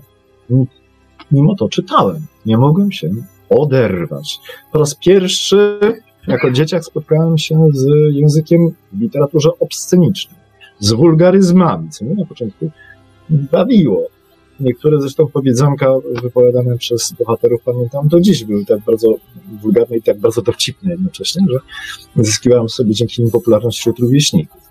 Wiesz, tam był, taki, tam był taki obrazek na jednej stronie, rysunek, taka gwiazdka. A to, to śniadanie mistrzów. A, To to śniadanie mistrzów. mistrzów, była taka gwiazdka. Tak, tak, tak. tak. Wiecie, co ta gwiazdka znaczyła? Dziurę w zadku. No dobrze, no, ale wróć do mieliśmy jeszcze charakterystykę bohaterów bardzo fajnie podawaną, bo za, zawsze, jeżeli byli to bohaterowie płci męskiej, to byli przedstawieni w taki sposób, że wzrost taki i taki, inteligencja taka i taka, narodowość taka, rasa taka, no i długość członka taka i taka. W, w chwilach wzwodu mm, członek osiągał no, e, długość taką i taką. Ilość orgazmów osiągana przez tego człowieka w ciągu tygodnia tyle i tyle. No i tak charakteryzował każ, każdą postać ym, ważną, która się Mm. pojawiała w ścianie mistrz Vonnegut. Ale rzeźnia numer 5 jest niewiele, niewiele pod tym względem Mhm. m- mniej frywolna. Tak, Tak, tak. Tylko, że tak naprawdę jest to przerażająca powieść. Mm, y, y, Vonnegut właściwie y, y, jest tam na dobrą sprawę narratorem tej powieści, w dużym stopniu narratorem. Bohaterem jest Billy Pilgrim, ale Vonnegut od siebie dodaje tam dużo. Mówi, że mm, na początku książki mówi, że rozmawia ze swoją znajomą i zbierza się jej, że chce napisać powieść antywojenną. Ona się wkurzyła, powiedziała tak, napiszesz taką powieść antywojenną, że potem na podstawie tej książki będą chcieli nakręcić jakiś film w Hollywoodzie, gdzie główną rolę zagra, nie Mitchum albo John Tak, Wayne, albo, albo Gregory Peck i oczywiście wszyscy to zobaczą i wszystkim się to spodoba i wszyscy będą chcieli znowu prowadzić wojnę. Wojnę. Wszyscy będą chcieli, więc Vonnegut postanowił napisać książkę, które, y, jeżeli I jeżeli ktoś na podstawie tej książki napisze, nakręci film, to na pewno nie wystąpi w niej Gregory Peck, John Wayne czy Mitchell, czy żaden ze znanych hollywoodzkich aktorów. No i słowa dotrzyma. Napisał rzecz antywojenną, przerażającą. Zresztą na podstawie y, prawdziwych wydarzeń, bo bombardowanie, bombardowanie y, Drezna, Tak. y, no to przecież fakt i w dodatku fakt okrutny z tej wojny, co właściwie nierozliczony, tak jak często się mówi, zwycięzców nikt, nikt nie rozlicza z ich o, no mało, mało, mało chwalebnych czynów. A Kurt Vonnegut y, był um, jeńcem e, e, w, Dreźnie właśnie i, i, no i był świadkiem bombardowania Drezna, udało mu się to przeżyć, a potem musiał pracować przy wydobywaniu zwłok z y, ruin y, Drezna.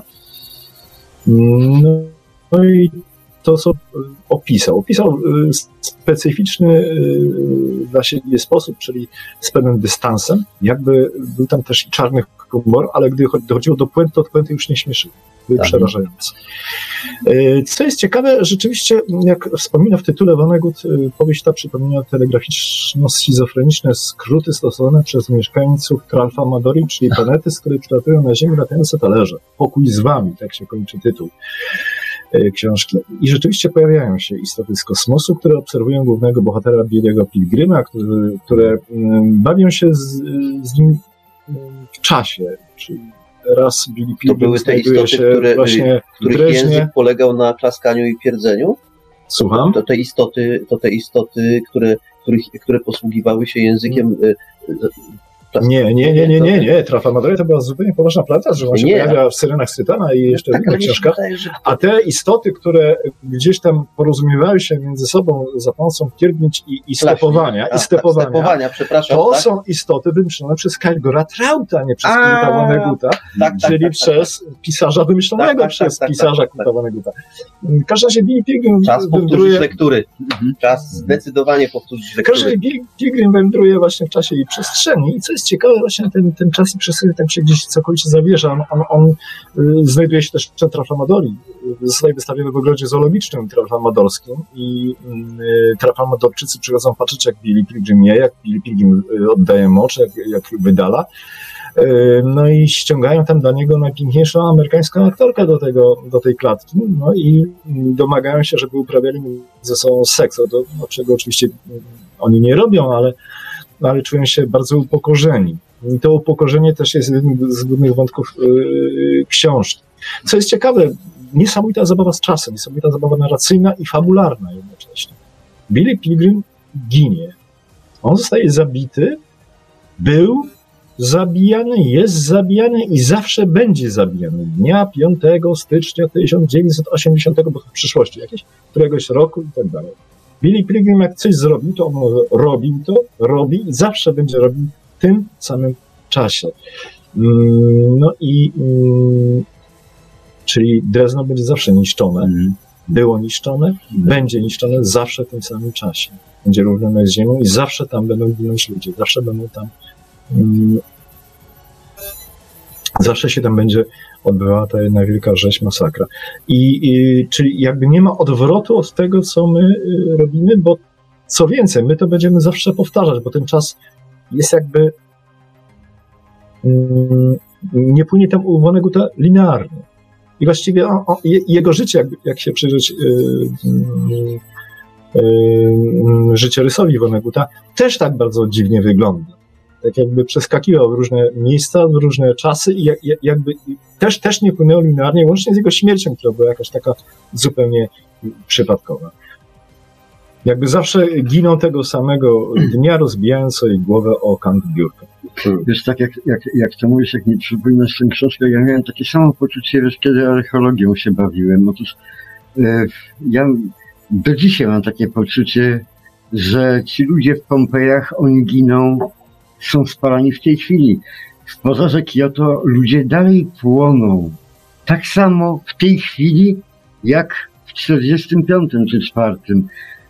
Po prostu coś takiego chyba rzeczywiście y, jest. Może to, to jest y, literacka y, przenośnia, może to jest taka zabawa autora książką, ale coś w tym chyba jest bardziej prawdziwego, gdyż mi się tak przeszłość również odwie, o, od tego. Ten Hannibal dalej wędruje po Himalajach, kurde, na Tak. tych słoniach przecież. To nie po Himalajach, chłopie. E, Po Alpach. A po Alpach. Gdzie No, on tam- do tych Himalaje?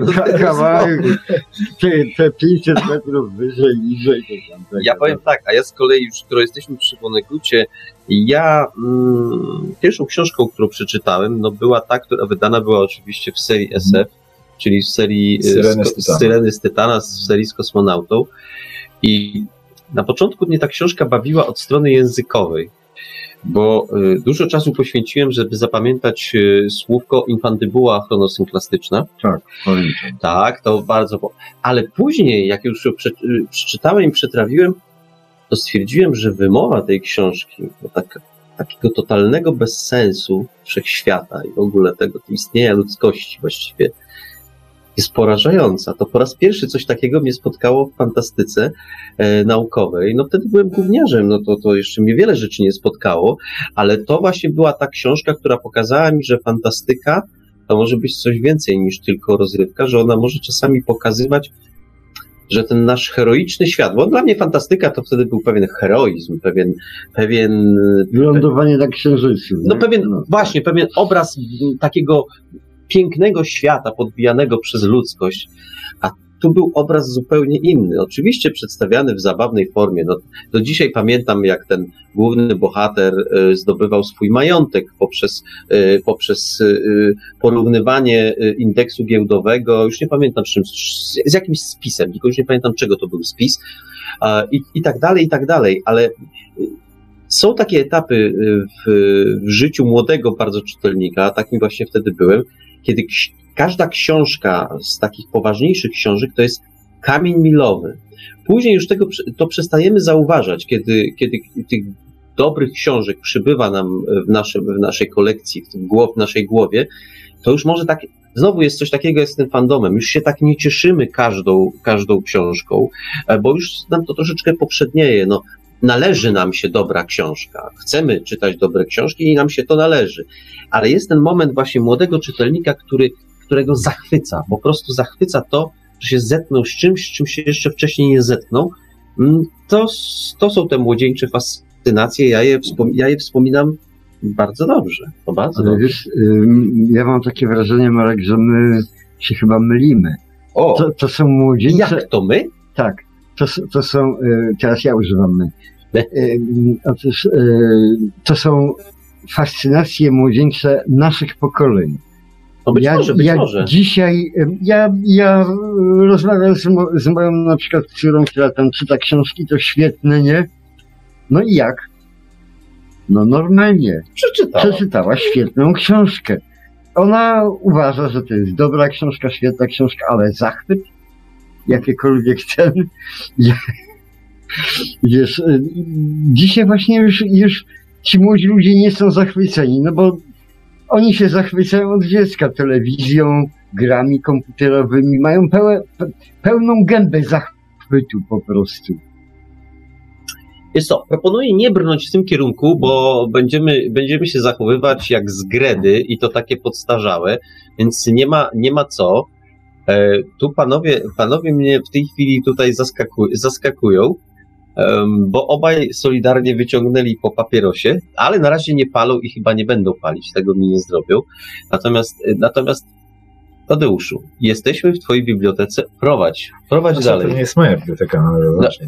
W bibliotece, w której, W ogóle- w ogóle- po której nas oprowadzasz, tak, to prawda. Tak, Wycofujesz. tak. No jest to biblioteka y, założona przez y, Łukasza Nikorana Lewajka y, i przeze mnie. Nieobecnego dzisiaj. Nieobecnego Szkoda. Tak. No i na pewno, który miałby dużo jeszcze do powiedzenia i na pewno mówiłby o rzeczach, o których ja kompletnie zapomniałem, a właśnie warto o nich wspomnieć. Oprócz książek przecież mamy też inne rzeczy i czasopism, i fanziny.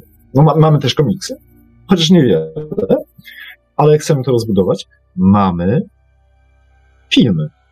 E, Filmy oryginalne na DVD, których nie wolno nam wypożyczać, zaznaczam, i nie pożyczamy je, ale chcemy archiwiz- archiwizować. I potem, bo jest taka możliwość, że w ramach edukacyjnych zajęć można od czasu do czasu pewnej grupie taki film zaprezentować. wybranych, specjalnie trzeba to przygotować i chcemy w ramach mm, naszych zajęć bibliotecznych, bo mamy zamiar e, realizować różne imprezy w naszych bibliotekach, chcemy zorganizować takie spotkania adaptacje znanych mm, dzieł literackich, filmowe adaptacje znanych dzieł literackich. Chcemy pokazać Mechaniczną Pomarańczę, Solaris, e, Leśnienie, czy no po prostu mm, te mm, najważniejsze e, dzieła w literaturze fantastycznej, które zostały zekranizowane.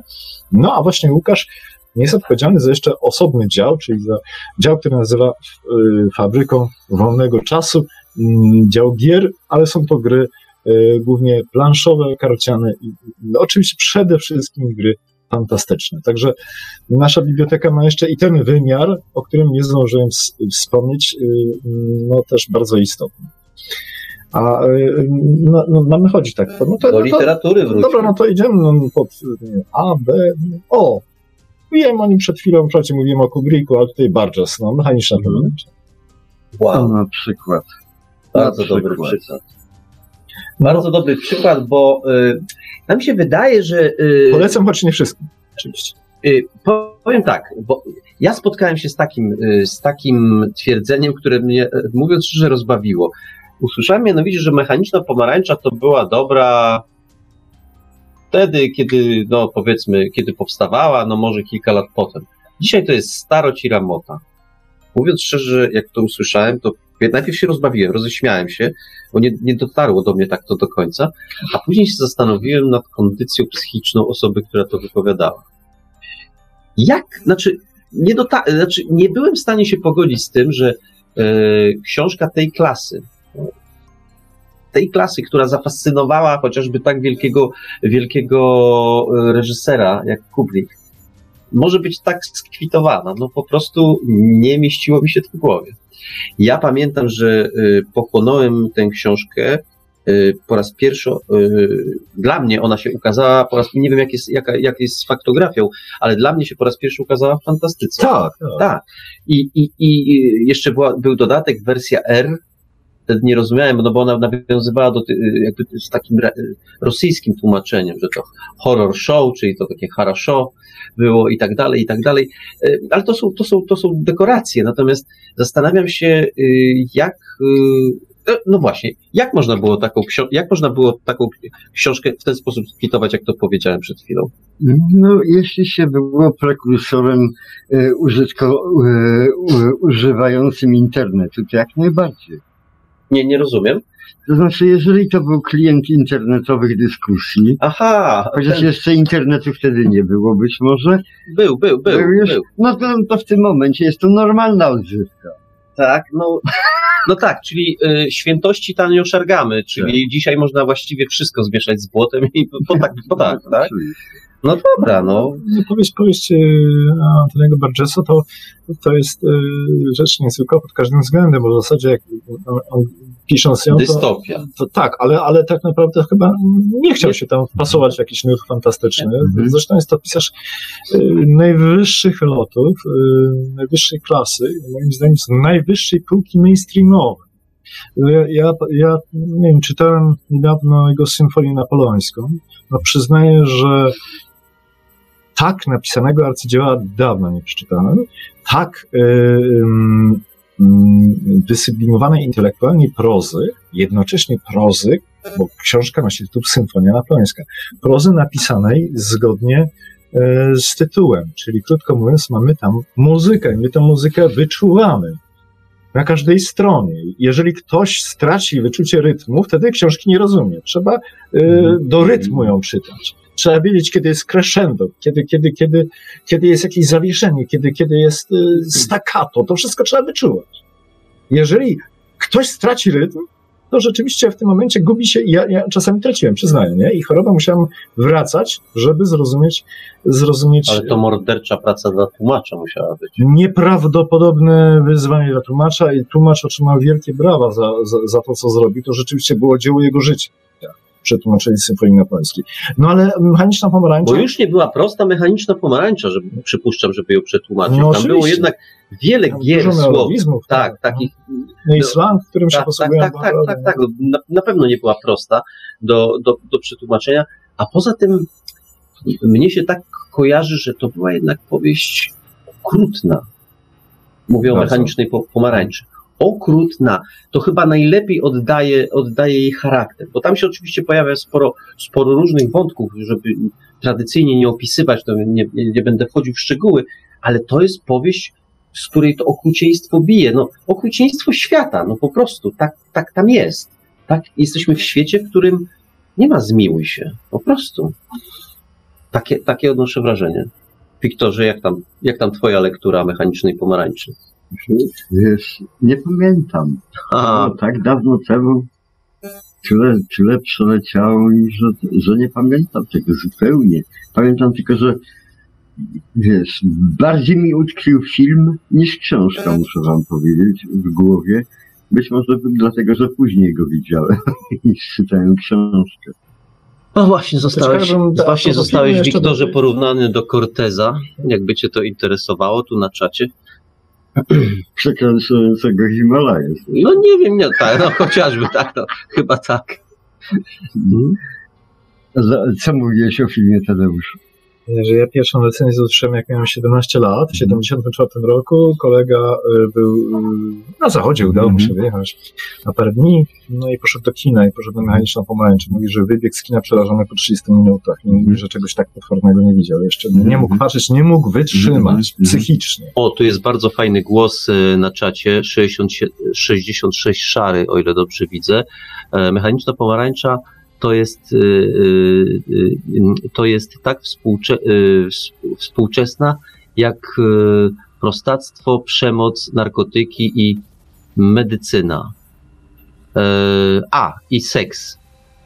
E, Tam jeszcze, jeszcze, jeszcze mowa o slangu. No tak, właściwie, No tak. właściwie nasz, na, nasz słuchacz chyba ujął to najbardziej lapidarnej, ale chyba, chyba oddającej, y, oddającej to, co, co jest chyba ważne w tej książce. No ale ważne jest jeszcze, w zasadzie to można powiedzieć tytułowy bohater jest ważny. Tytułowy bohater. bo tak, tak. Mechaniczna tak, pomarańcza to jest y, ten Alex. tak? Tak. Y, Nawiasem mówiąc, książka powinna nosić tytuł Mechaniczny Człowiek, bo Oran to człowiek y, Mhm. na rzeczu, oj Boże zapomniałem, y, jakim. W każdym razie y, w każdym razie mia- miało to być mechaniczny człowiek, ale jakoś tam w ostatniej chwili zmienił y, Burgess y, tytuł dodał dwie literki i powstała mechaniczna pomarańcza, y, czyli rzecz o umysłowym zniewoleniu głównie. Mhm. I o tym jest ta, ta książka i o tym, czy rzeczywiście człowiek naj- najbardziej koszmarny, potworny zwyrodnialec może być tak, czy można z nim zrobić to, co zrobiono w świecie tej powieści. Tu jeszcze mamy od Szarego, że dla ciebie chyba, Wiktor, Tytonik blokuje neuronik. To taka Możliwe. chyba dedykacja. Ale ja będę do, swojej, do swojego mm, wrac- wracał bardzo ulubionego tematu. Otóż tak jak, jak tutaj nasz korespondent wymieniał tam przemoc, narkotyki, tam medycyna, coś inne, inne takie rzeczy, to ja chcę wam przypomnieć to, co zawsze mówiłem, że to samo, to samo, co y, dotyczy tam czasów po II wojnie światowej, co dotyczy dnia dzisiejszego, dokładnie to samo dotyczyło gatunku Homo sapiens, na przykład w takim neolicie. Od tamtego czasu istnieje tylko to. Przemoc, medycyna, narkotyki, szajba, szajba taka, szajba. Tu się nic nie zmieniło. My żyjemy, to jest status quo. Od kilkudziesięciu tysięcy lat żyjemy w tej samej niszy ekologicznej, tych samych zupełnie, tylko się zmienia dekoracja. Inne spodnie włożone na, na, na, na ten.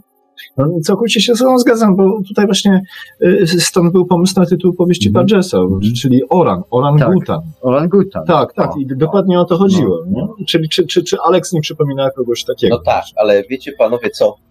E, To ja się zastanawiam, no skoro to jest taka po... dzień powszedni, taka nasza, nasza codzienność, to co nas w tej książce tak fascynuje? To, co tak świetnie znamy, taką, taką nam fascynację przynosi?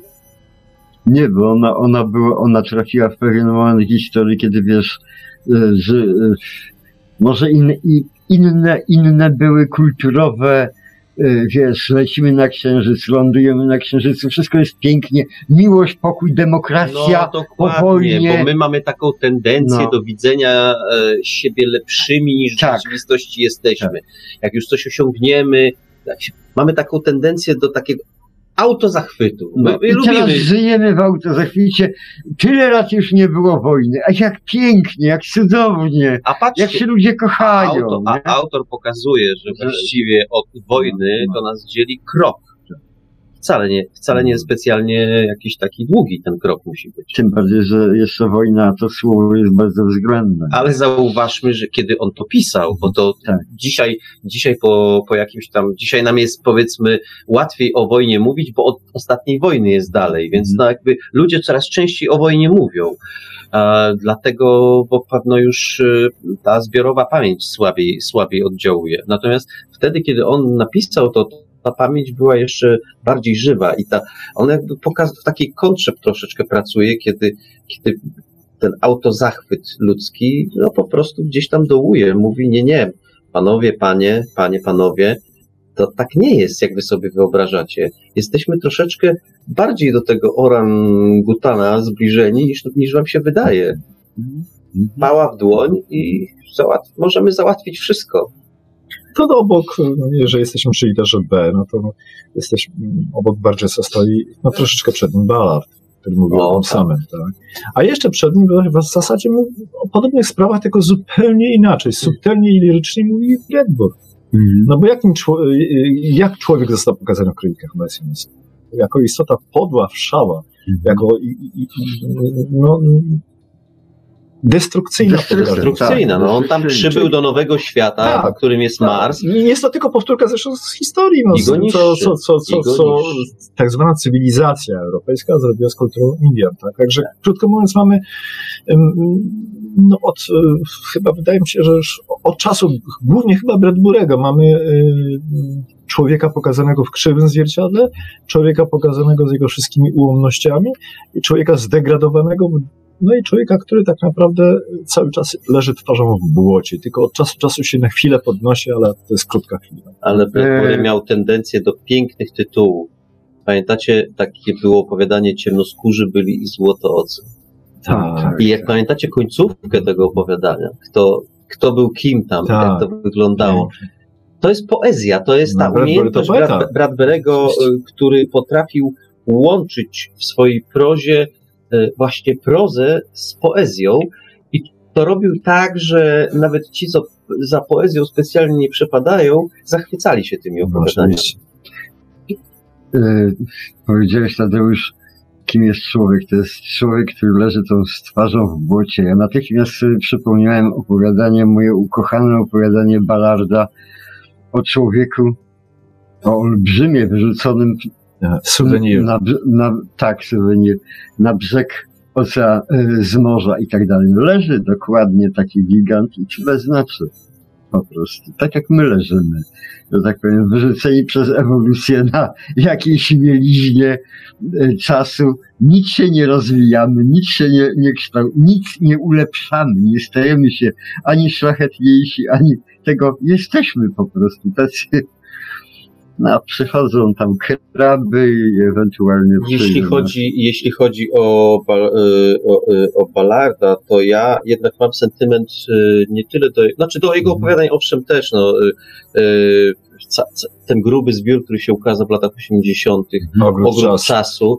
tam są, tam są perełki, ale ja jednak mam duży sentyment do, do opowieści, która na pierwszy rzut oka wydaje się mało fantastyczna, fantastyczna naukowa, czyli do wyspy.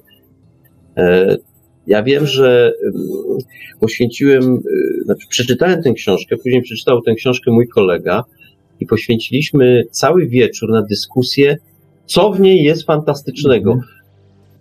Trochę była taka dyskusja z tezą, bo myśmy y, założyli, że ona fantastyczna jest, bo czuliśmy, że w niej jest dużo fantastyki, tylko jej nie potrafiliśmy znaleźć. Myśmy ją, jej szukali krok po kroku. Próbowali tę fantastykę znaleźć, yy, chyba za bardzo zbliżyliśmy obiektyw, to znaczy myśmy ją e, po kolei jechali, trzeba było oddalić, zrobić to z perspektywy, wtedy ta fantastyka chyba by z tej książki bardziej nam wyszła, bardziej byśmy to, to zrozumieli. Dzisiaj, dzisiaj to już dzisiaj to już wiem, ale, ale to jest tak czasami młodym ludziom książki sprawiają różne niespodzianki. Ta sprawiła nam niespodziankę. No, ale było dokładnie tak, jak mówisz, tak jak ja bym tam był z wami, z, tym, z tobą i z tym twoim kolegą, bo y, ja też y, tak się bawiłem z tą literaturą. Czy tu jest fantastyka? Gdzie ona jest, nie? W którym momencie ją należy uchwycić? Jak, jak ją zważyć? Ile, ile tej, tej, tej fantastyki w tej książce jest? Pamiętam, że Kurkisz napisał właśnie takie opowiadanie w tym swoim zbiorze, bez przerwy powiedzieć na ciszę, pod to ja odkryłem prawdę i tam właśnie prawdę się waży na, na miligramy i wymierza na różne sposoby, tak żeby stwierdzić, ile, ile prawdy jest y, y, wokół nas, którą, tę prawdę można tam do, dokładnie wymierzyć. Tak samo ja próbowałem wymierzyć, ile jest fantastyki w jakimś utworze i czy no, ten utwór w związku z tym jest już fantastyczny, czy nie jest. Według mnie Wyspa, pomimo tego, że mi się podobała, no nie była książka fantastyczna. Dziś oczywiście widzę ją inaczej, ale musiałam też mieć tak jak, jak w tym przypadku, musiałam spojrzeć z dystansu, z pewnej perspektywy na, na wyspę i na inne teksty Baladozrze też. No tak, to co dalej?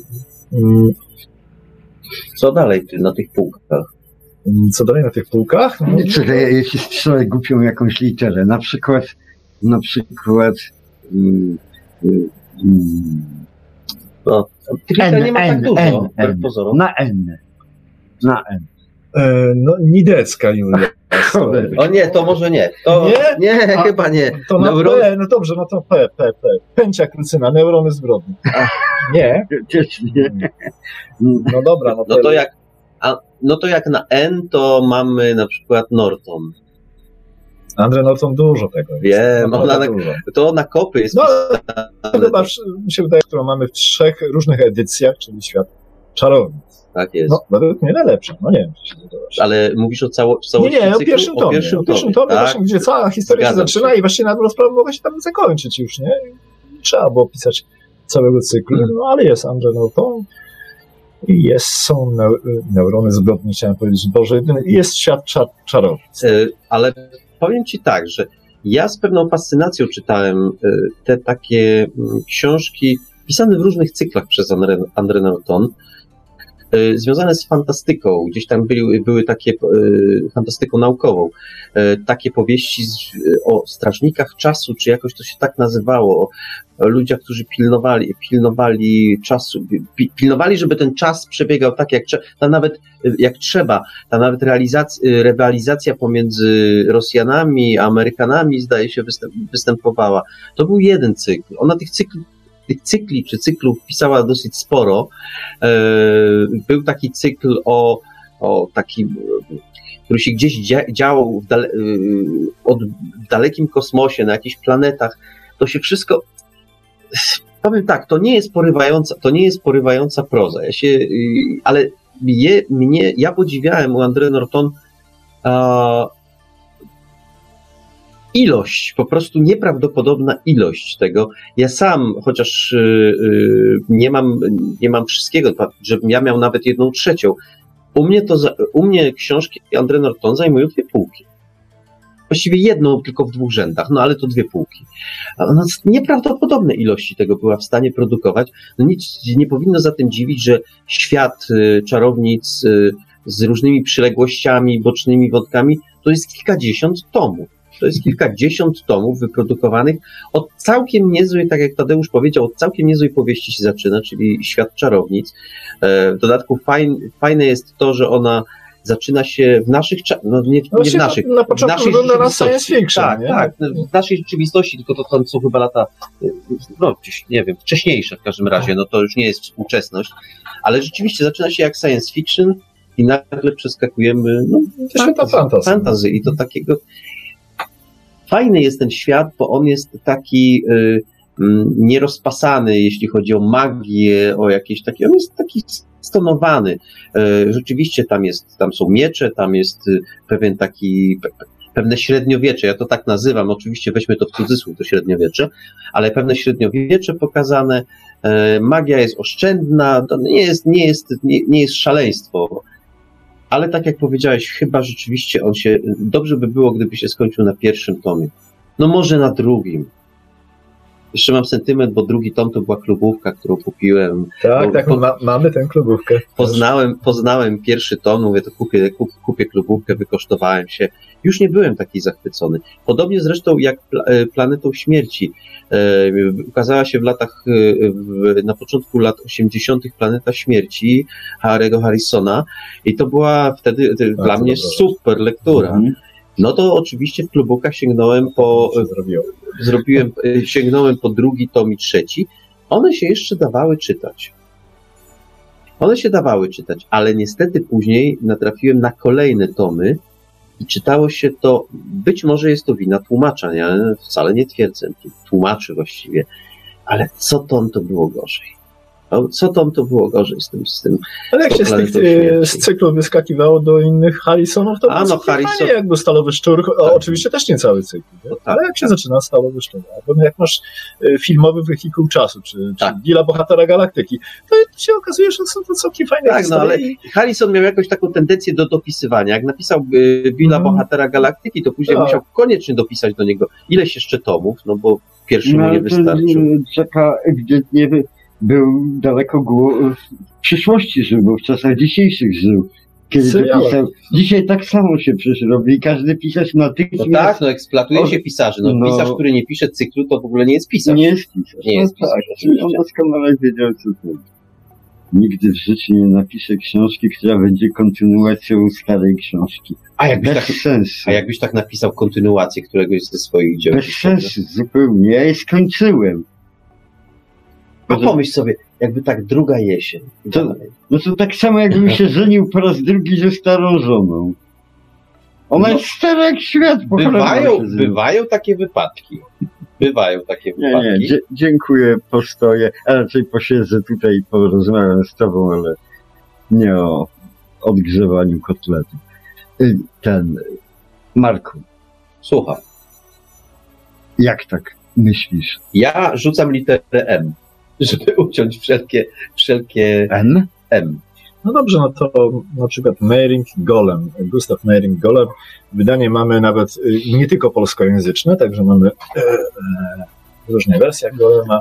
No, rzecz ważna dla literatury modernistycznej, dla literatury fantastycznej i, Hmm. no, i krótko, krótko mówiąc, mitotwórcza taka, prawda, i z mitem związana i, e, i odnosząca się zarówno do magii, jak i do kultury, do jak i do świata symboli heretyków, prawda? Także No tak, wieloznaczna rzecz, niektórzy nawet tego jako fantastykę chcą klasyfikować, a przecież niewątpliwie fantastyczne. no dotykamy, dotykamy, w dodatku dotykamy naszych południowych, y, południowych sąsiadów, bo to w końcu w Pradze rzecz, o ile dobrze pamiętam, się działa. Ale tak mi przyszło skojarzenie. mm, A macie w swoim, w swoim zbiorze także Czecha, Sołczka, y, całą trylogię? Oczywiście, wszystkie trzy tomy Tajemnica Ślepytaków z Nakiejśca i Jezioro Słoneczne, chociaż Tajemnica Ślepytaków niestety w najgorszym stanie i, i jeżeli słuchacze tutaj mo- mogliby nam pomóc, to prosimy o e, jeszcze dodatkowy egzemplarz Tajemnicy Ślepych Ptaków, bo Bo to, bo to, był, to była taka, po pierwsze, to był ewenement w latach 70., Mhm. bo była to trylogia, wyszła w serii prestiżowej, bo fantastyka przygoda, e, była niezwykle trudna do dostania. Bo o ile pierwszy tom, e, czyli Tajemnica Ślepych Ptaków, o ile dobrze pamiętam, e, to nie był, znaczy ja to dosyć szybko zdobyłem, ale te dwa następne, oj, było ciężko, zdobyłem je, e, to znowu, bo wtedy się, wtedy się książki zdobywało nie tyle w księgarniach, co w antykwariatach najczęściej, bo jak ktoś nie miał znajomości w księgarni, to musiał w antykwariacie. Yy, W związku z tym ja pamiętam ten dzień, kiedy nagle przeglądam stosik książek w antykwariacie i to porażenie, kiedy widzę dwa brakujące tomy, a nie mam ze sobą pieniędzy. A wtedy y, karty kredytowe były rzeczą nieznaną, przynajmniej w tym kręgu, w tym kręgu tutaj po tej stronie e, żelaznej kurtyny. E, No w ogóle nie bardzo było skąd te pieniądze wziąć. I wtedy już trzeba było roztoczyć młodzieńczy urok osobisty, poprosić panią niemal na kolanach, bo to tak się prawie odbywało, żeby zostawiła do jutra, do godziny, jak nie przyjdę do godziny 11, to już może puścić w obieg, ale błagam, żeby chociaż do tej, do tej 11 przytrzymała. Pani łaskawie patrzyła, no dobrze, no dobrze, zostawię. I ja pamiętam, że ja po prostu, y, żeby tę książkę zdobyć, uciekłem z lekcji. Po prostu wyszedłem i poszedłem kupić książkę. No trudno. Chemia musiała sobie poczekać na moją obecność. To tak, tak, to, się, tak to się odbywało. Kto dzisiaj, kto dzisiaj, że tak powiem, Zwolni się z zwolni lekcji. się z lekcji, skoro w ogóle może na nią nie przechodzić, nie? Prawda. No ja wtedy muszę jeszcze... powiedzieć, że na Wegary poszedłem po to, żeby zobaczyć film Fahrenheit 451, y, bo to był jedyny pokaz y, w kinie w Bydgoszczy, kiedy y, właśnie w godzinach, godzinach przedpołudniowych i nie było żadnej innej możliwości zobaczenia tego filmu później. To był- w ogóle wspominam to jako moje najpiękniejsze Wegary. Zobaczyłem arcydzieło François Truffaut, byłem w ósmej klasie i jeszcze bałem się, że mnie nie wpuszczą, bo film był od lat 16. No. Tak, a wtedy jeszcze panie w kinie w Tak, dodatku tak, sprawdzałem e, legitymację. a, legitymację.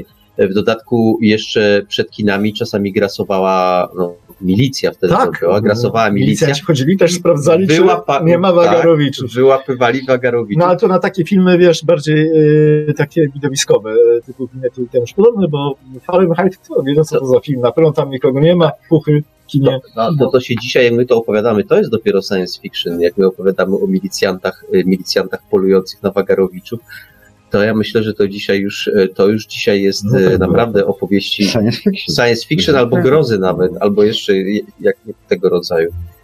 Dobrze, Tadeuszu, ja myślę, że y, nasze dzisiejsze spotkanie powoli zakończymy. Pewno, ponieważ macie tych pozycji tyle, to moglibyśmy wypaty, wypatry, wypytywać się i wspominać, bo właściwie każdy tytuł to, to jakieś tam wspomnienie nasze, nasze literackie, jakieś czytelnicze.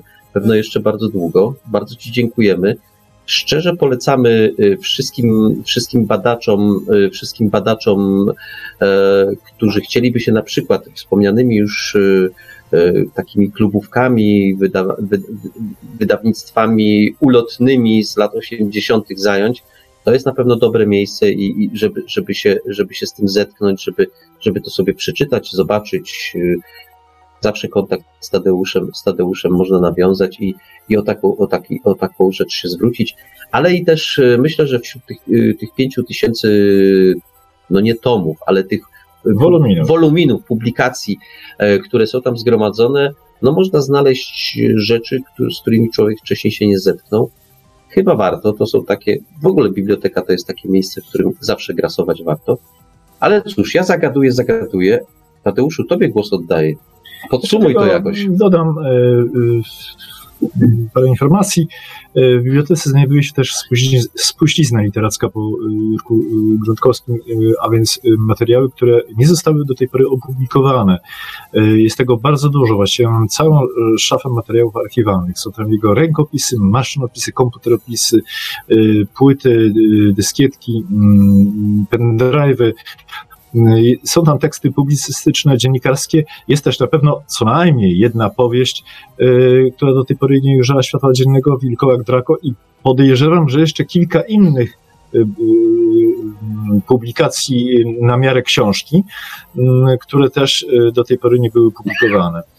Dzięki uprzejmości naszego kolegi, redaktora Wojtka Chodzińskiego, który postanowił, który zgodził się na to, żeby, żeby dokonać przeglądu całego tego materiału i dokonać selekcji y, y, tych tekstów, będziemy może mogli kiedyś w przyszłości pokusić się o to, żeby, żeby te mm, nieopublikowane do tej pory mm, teksty y, wydać. To znaczy będziemy szukali oczywiście wydawcy, sponsora, kogoś, kto, y, mm, kto nam y, w realizacji tego, tego, tego postanowienia pomoże. Biblioteka Literatury Fantastycznej imienia Jerzego Grudkowskiego znajduje się mm, w Bydgoszczy mm, na Wzgórzu Wolności przy ulicy Bośniackiej 3. To jest Szkoła Apostoła numer 56 mm, na trzecim piętrze w sali numer 36. Jest to y, y, część filii Młodzieżowego Domu Kultury numer 2 w Bydgoszczy i tutaj y, bardzo dziękuję dyrekcji Młodzieżowego Domu Kultury nr 2, panu Adamowi Wentosze i pani Dorocie Przydarze Kaps za y, wspomaganie naszej działalności oraz panu Jarosławowi Jagodzińskiemu, dyrektorowi szkoły podstawowej nr 56, dzięki któremu ta biblioteka całkiem funkcjonować. A jeśli ktoś by chciał nawiązać kontakt z biblioteką, to my zawsze z Wiktorem służymy kontaktem. Wystarczy do nas, wystarczy do nas napisać. Jakoś, jakoś na pewno skontaktujemy z, z, z naszym dzisiejszym gościem. Cóż, Wiktorze, czy ty coś jeszcze, jakieś słowo odpalisz na koniec?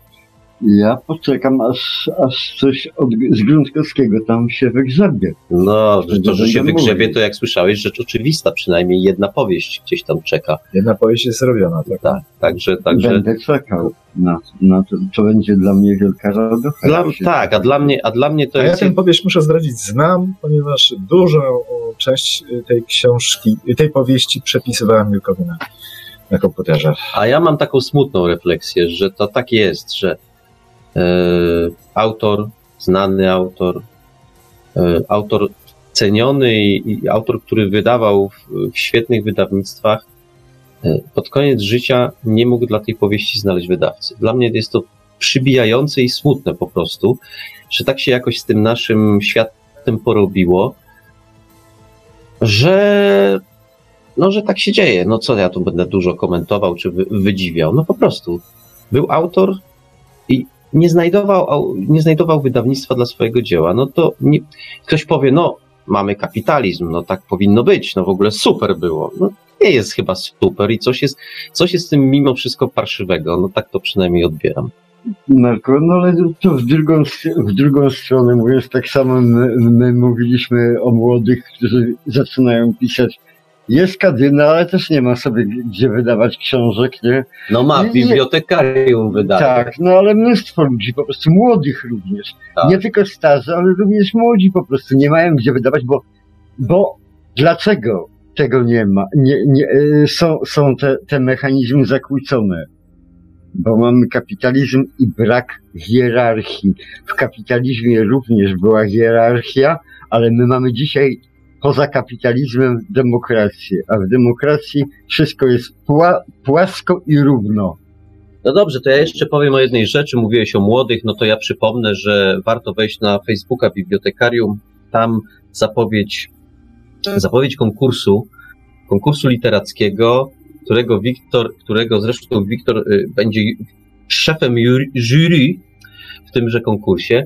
E, to na razie zapowiedź, e, szczegóły, szczegóły w poniedziałek, ale już dzisiaj warto wejść na Facebooka, zobaczyć sobie o co w tym konkursie chodzi. E, troszeczkę szczegółów tam jest, więcej szczegółów będzie, więcej szczegółów będzie, będzie podanych, tak jak powiedziałem, w poniedziałek. I cóż, Wiktorze, cóż jeszcze na koniec powiesz ciekawego? Ja, może ja, może ja. To może ty. Ja, ja, bardzo się cieszę, że całkiem niedługo Wiktor razem ze mną poprowadzi e, odcinek Bibliotekarium poświęcony twórczości Marka Żelkowskiego. A bardzo chętnie, bardzo chętnie. No tak, no wreszcie, że tak powiem, będzie można jemu dokopać. no. Och, ale ci będę wybrzydzał, Marku nie ta składnia, nie ten rytm, brak tego crescendo i tak dalej w tym Dobrze. całym tego, w tej symfonii napoleońskiej, pardon, Żelkowskiej. O, dowiadujemy się od Szarego, że, y, że ale audycja znowu się hermetyzuje. Ja już nie skomentuję tego hermetyzuje, bo to nie, ta, nie, tak, nie tak to chyba się hermetyzuje. No bo alkoholu nie było. Tak, no nie było alkoholu, no. więc, więc to hermetyzuje. Jak tak, na trzeźwo tak, to hermetycznie. Tak, tak. Nie, nie, ale samo słowo hermetyzuje tutaj jest napisane. Może chodzi może o, chodzi o hermetyzuje. No może, może, może się tak. No dobrze. W każdym razie, w każdym razie to tyle, to tyle jeśli chodzi o dzisiejszą, o dzisiejszą audycję. A żeby się tak bardzo nie hermetyzowała ta audycja, to powiem, że za dwa tygodnie zapraszamy na audycję, mm, która będzie mówiła o książce już tym razem nie fantastyczno-naukowej, ani nic z fantastyką naukową nie będzie miała, e, miała wspólnego. Książka, o której już jakiś czas temu wspominaliśmy w naszej audycji, a mianowicie e, książka Modne Bzdury to jest, y, to jest książka napisana przez y, Sokala i y, Brickmonta. Książka o tym, że czasami używanie trudnych, trudnego języka, takiego naukowego, no, prowadzi na manowce. Czasami jest tak, że czytamy jakiś tekst i im mniej z niego rozumiemy, tym uważamy go za bardziej naukowy. To są manowce, to są po prostu manowce i ci panowie to dosyć dobitnie udowodnili. A myślę, że kilka cytatów, które, które mamy przygotowane do następnej audycji, no, przynajmniej Państwa rozbawią, e, ale też mogą, mogą, mogą zafascynować swoim bełkotem. No, ja to tak, ja to tak ujmę, bo e, rzeczywiście autorzy e, są okrutni i wybierają z różnych dzieł takie kawałki z dzieł zresztą bardzo znanych, bardzo znanych myślicieli, e, takich, którzy, no, topowych, e, którzy są szanowani i o, o, obwieszani różnymi tytułami i tak dalej, i tak dalej. Oni wyciągają z dzieł e, takie fragmenty, które są klasycznym, autentycznym bełkotem. I to chyba ważne w tej książce. Zresztą książka zabawna, chwilami po prostu, no, troszeczkę robiona według zasady świętości, świętości bardzo chętnie szargamy. E, Brickmont i Sokal robią to no, z dużą pasją, trzeba im to przyznać. No cóż, zapraszamy w takim razie za dwa tygodnie, a za tydzień, za tydzień wakacyjne wydanie ABW e, z kawałkiem, tym razem e, będziecie się Państwo mogli poznęcać nad prozą Wiktora Żwikiewicza. To tak a propos tego, co mi Wiktor mówił, co zrobi z, co zrobi z moją prozą, to taka mała, taki mały akt zemsty, ale spodziewam się najgorszego. Dziękujemy Państwu, dziękujemy, życzymy samych dobrych lektur. E, spalić Żelkowskiego, spalić Żwikiewicza, spalić bibliotekarium. Tak jest. Tak jest. No. To słuszne hasło, słuszne hasło e, e, i shermetyzować może. Shermetyzować. Tak shermetyzuj. I rozhermetyzować, tak. Tak, tak. Okej. Okay. Dziękujemy jeszcze Dziękujemy. raz. Wszystkiego dobrego. Dobrej Dobranoc. nocy. Dobranoc. A jeszcze w temacie modnych bzdur, a konkretnie e, używania słów, których znaczenia niekoniecznie się rozumie. Tutaj jeszcze pozwolę sobie rzucić takim śląskim dowcipem. Był kiedyś taki sztygar, ja nie wiem, nie pamiętam, czy ten dowcip już kiedyś opowiadałem, czy też nie, ale jeżeli nawet opowiadałem, to, to, to go powtórzę. Jest taki dowcip o śląskim sztygarze, który uwielbiał właśnie używać takich modnych bzdur w swojej warstwie językowej, swoich wypowiedzi. Uwielbiał y, używać określeń, których znaczenia nie rozumiał i kiedyś odzywa się do górników tak. Słuchajcie, górniki, te, które mnie rozumią, to są ludzie inteligentne, a te, co mnie nie rozumią, to mnie mogą w dupa pocałować i vice versa. tak. I tym optymistycznym akcentem jeszcze raz dziękujemy. Dobrej nocy życzymy.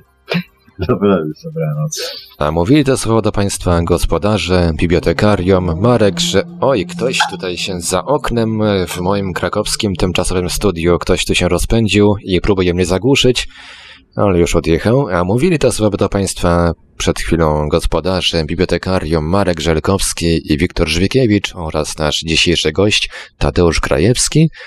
Audycję jak zawsze od strony technicznej obsługiwał Marek Synkiewelios, Radio Paranormalium, paranormalny głos w Twoim domu, dobranoc i do usłyszenia ponownie, tym razem w ABW już za tydzień.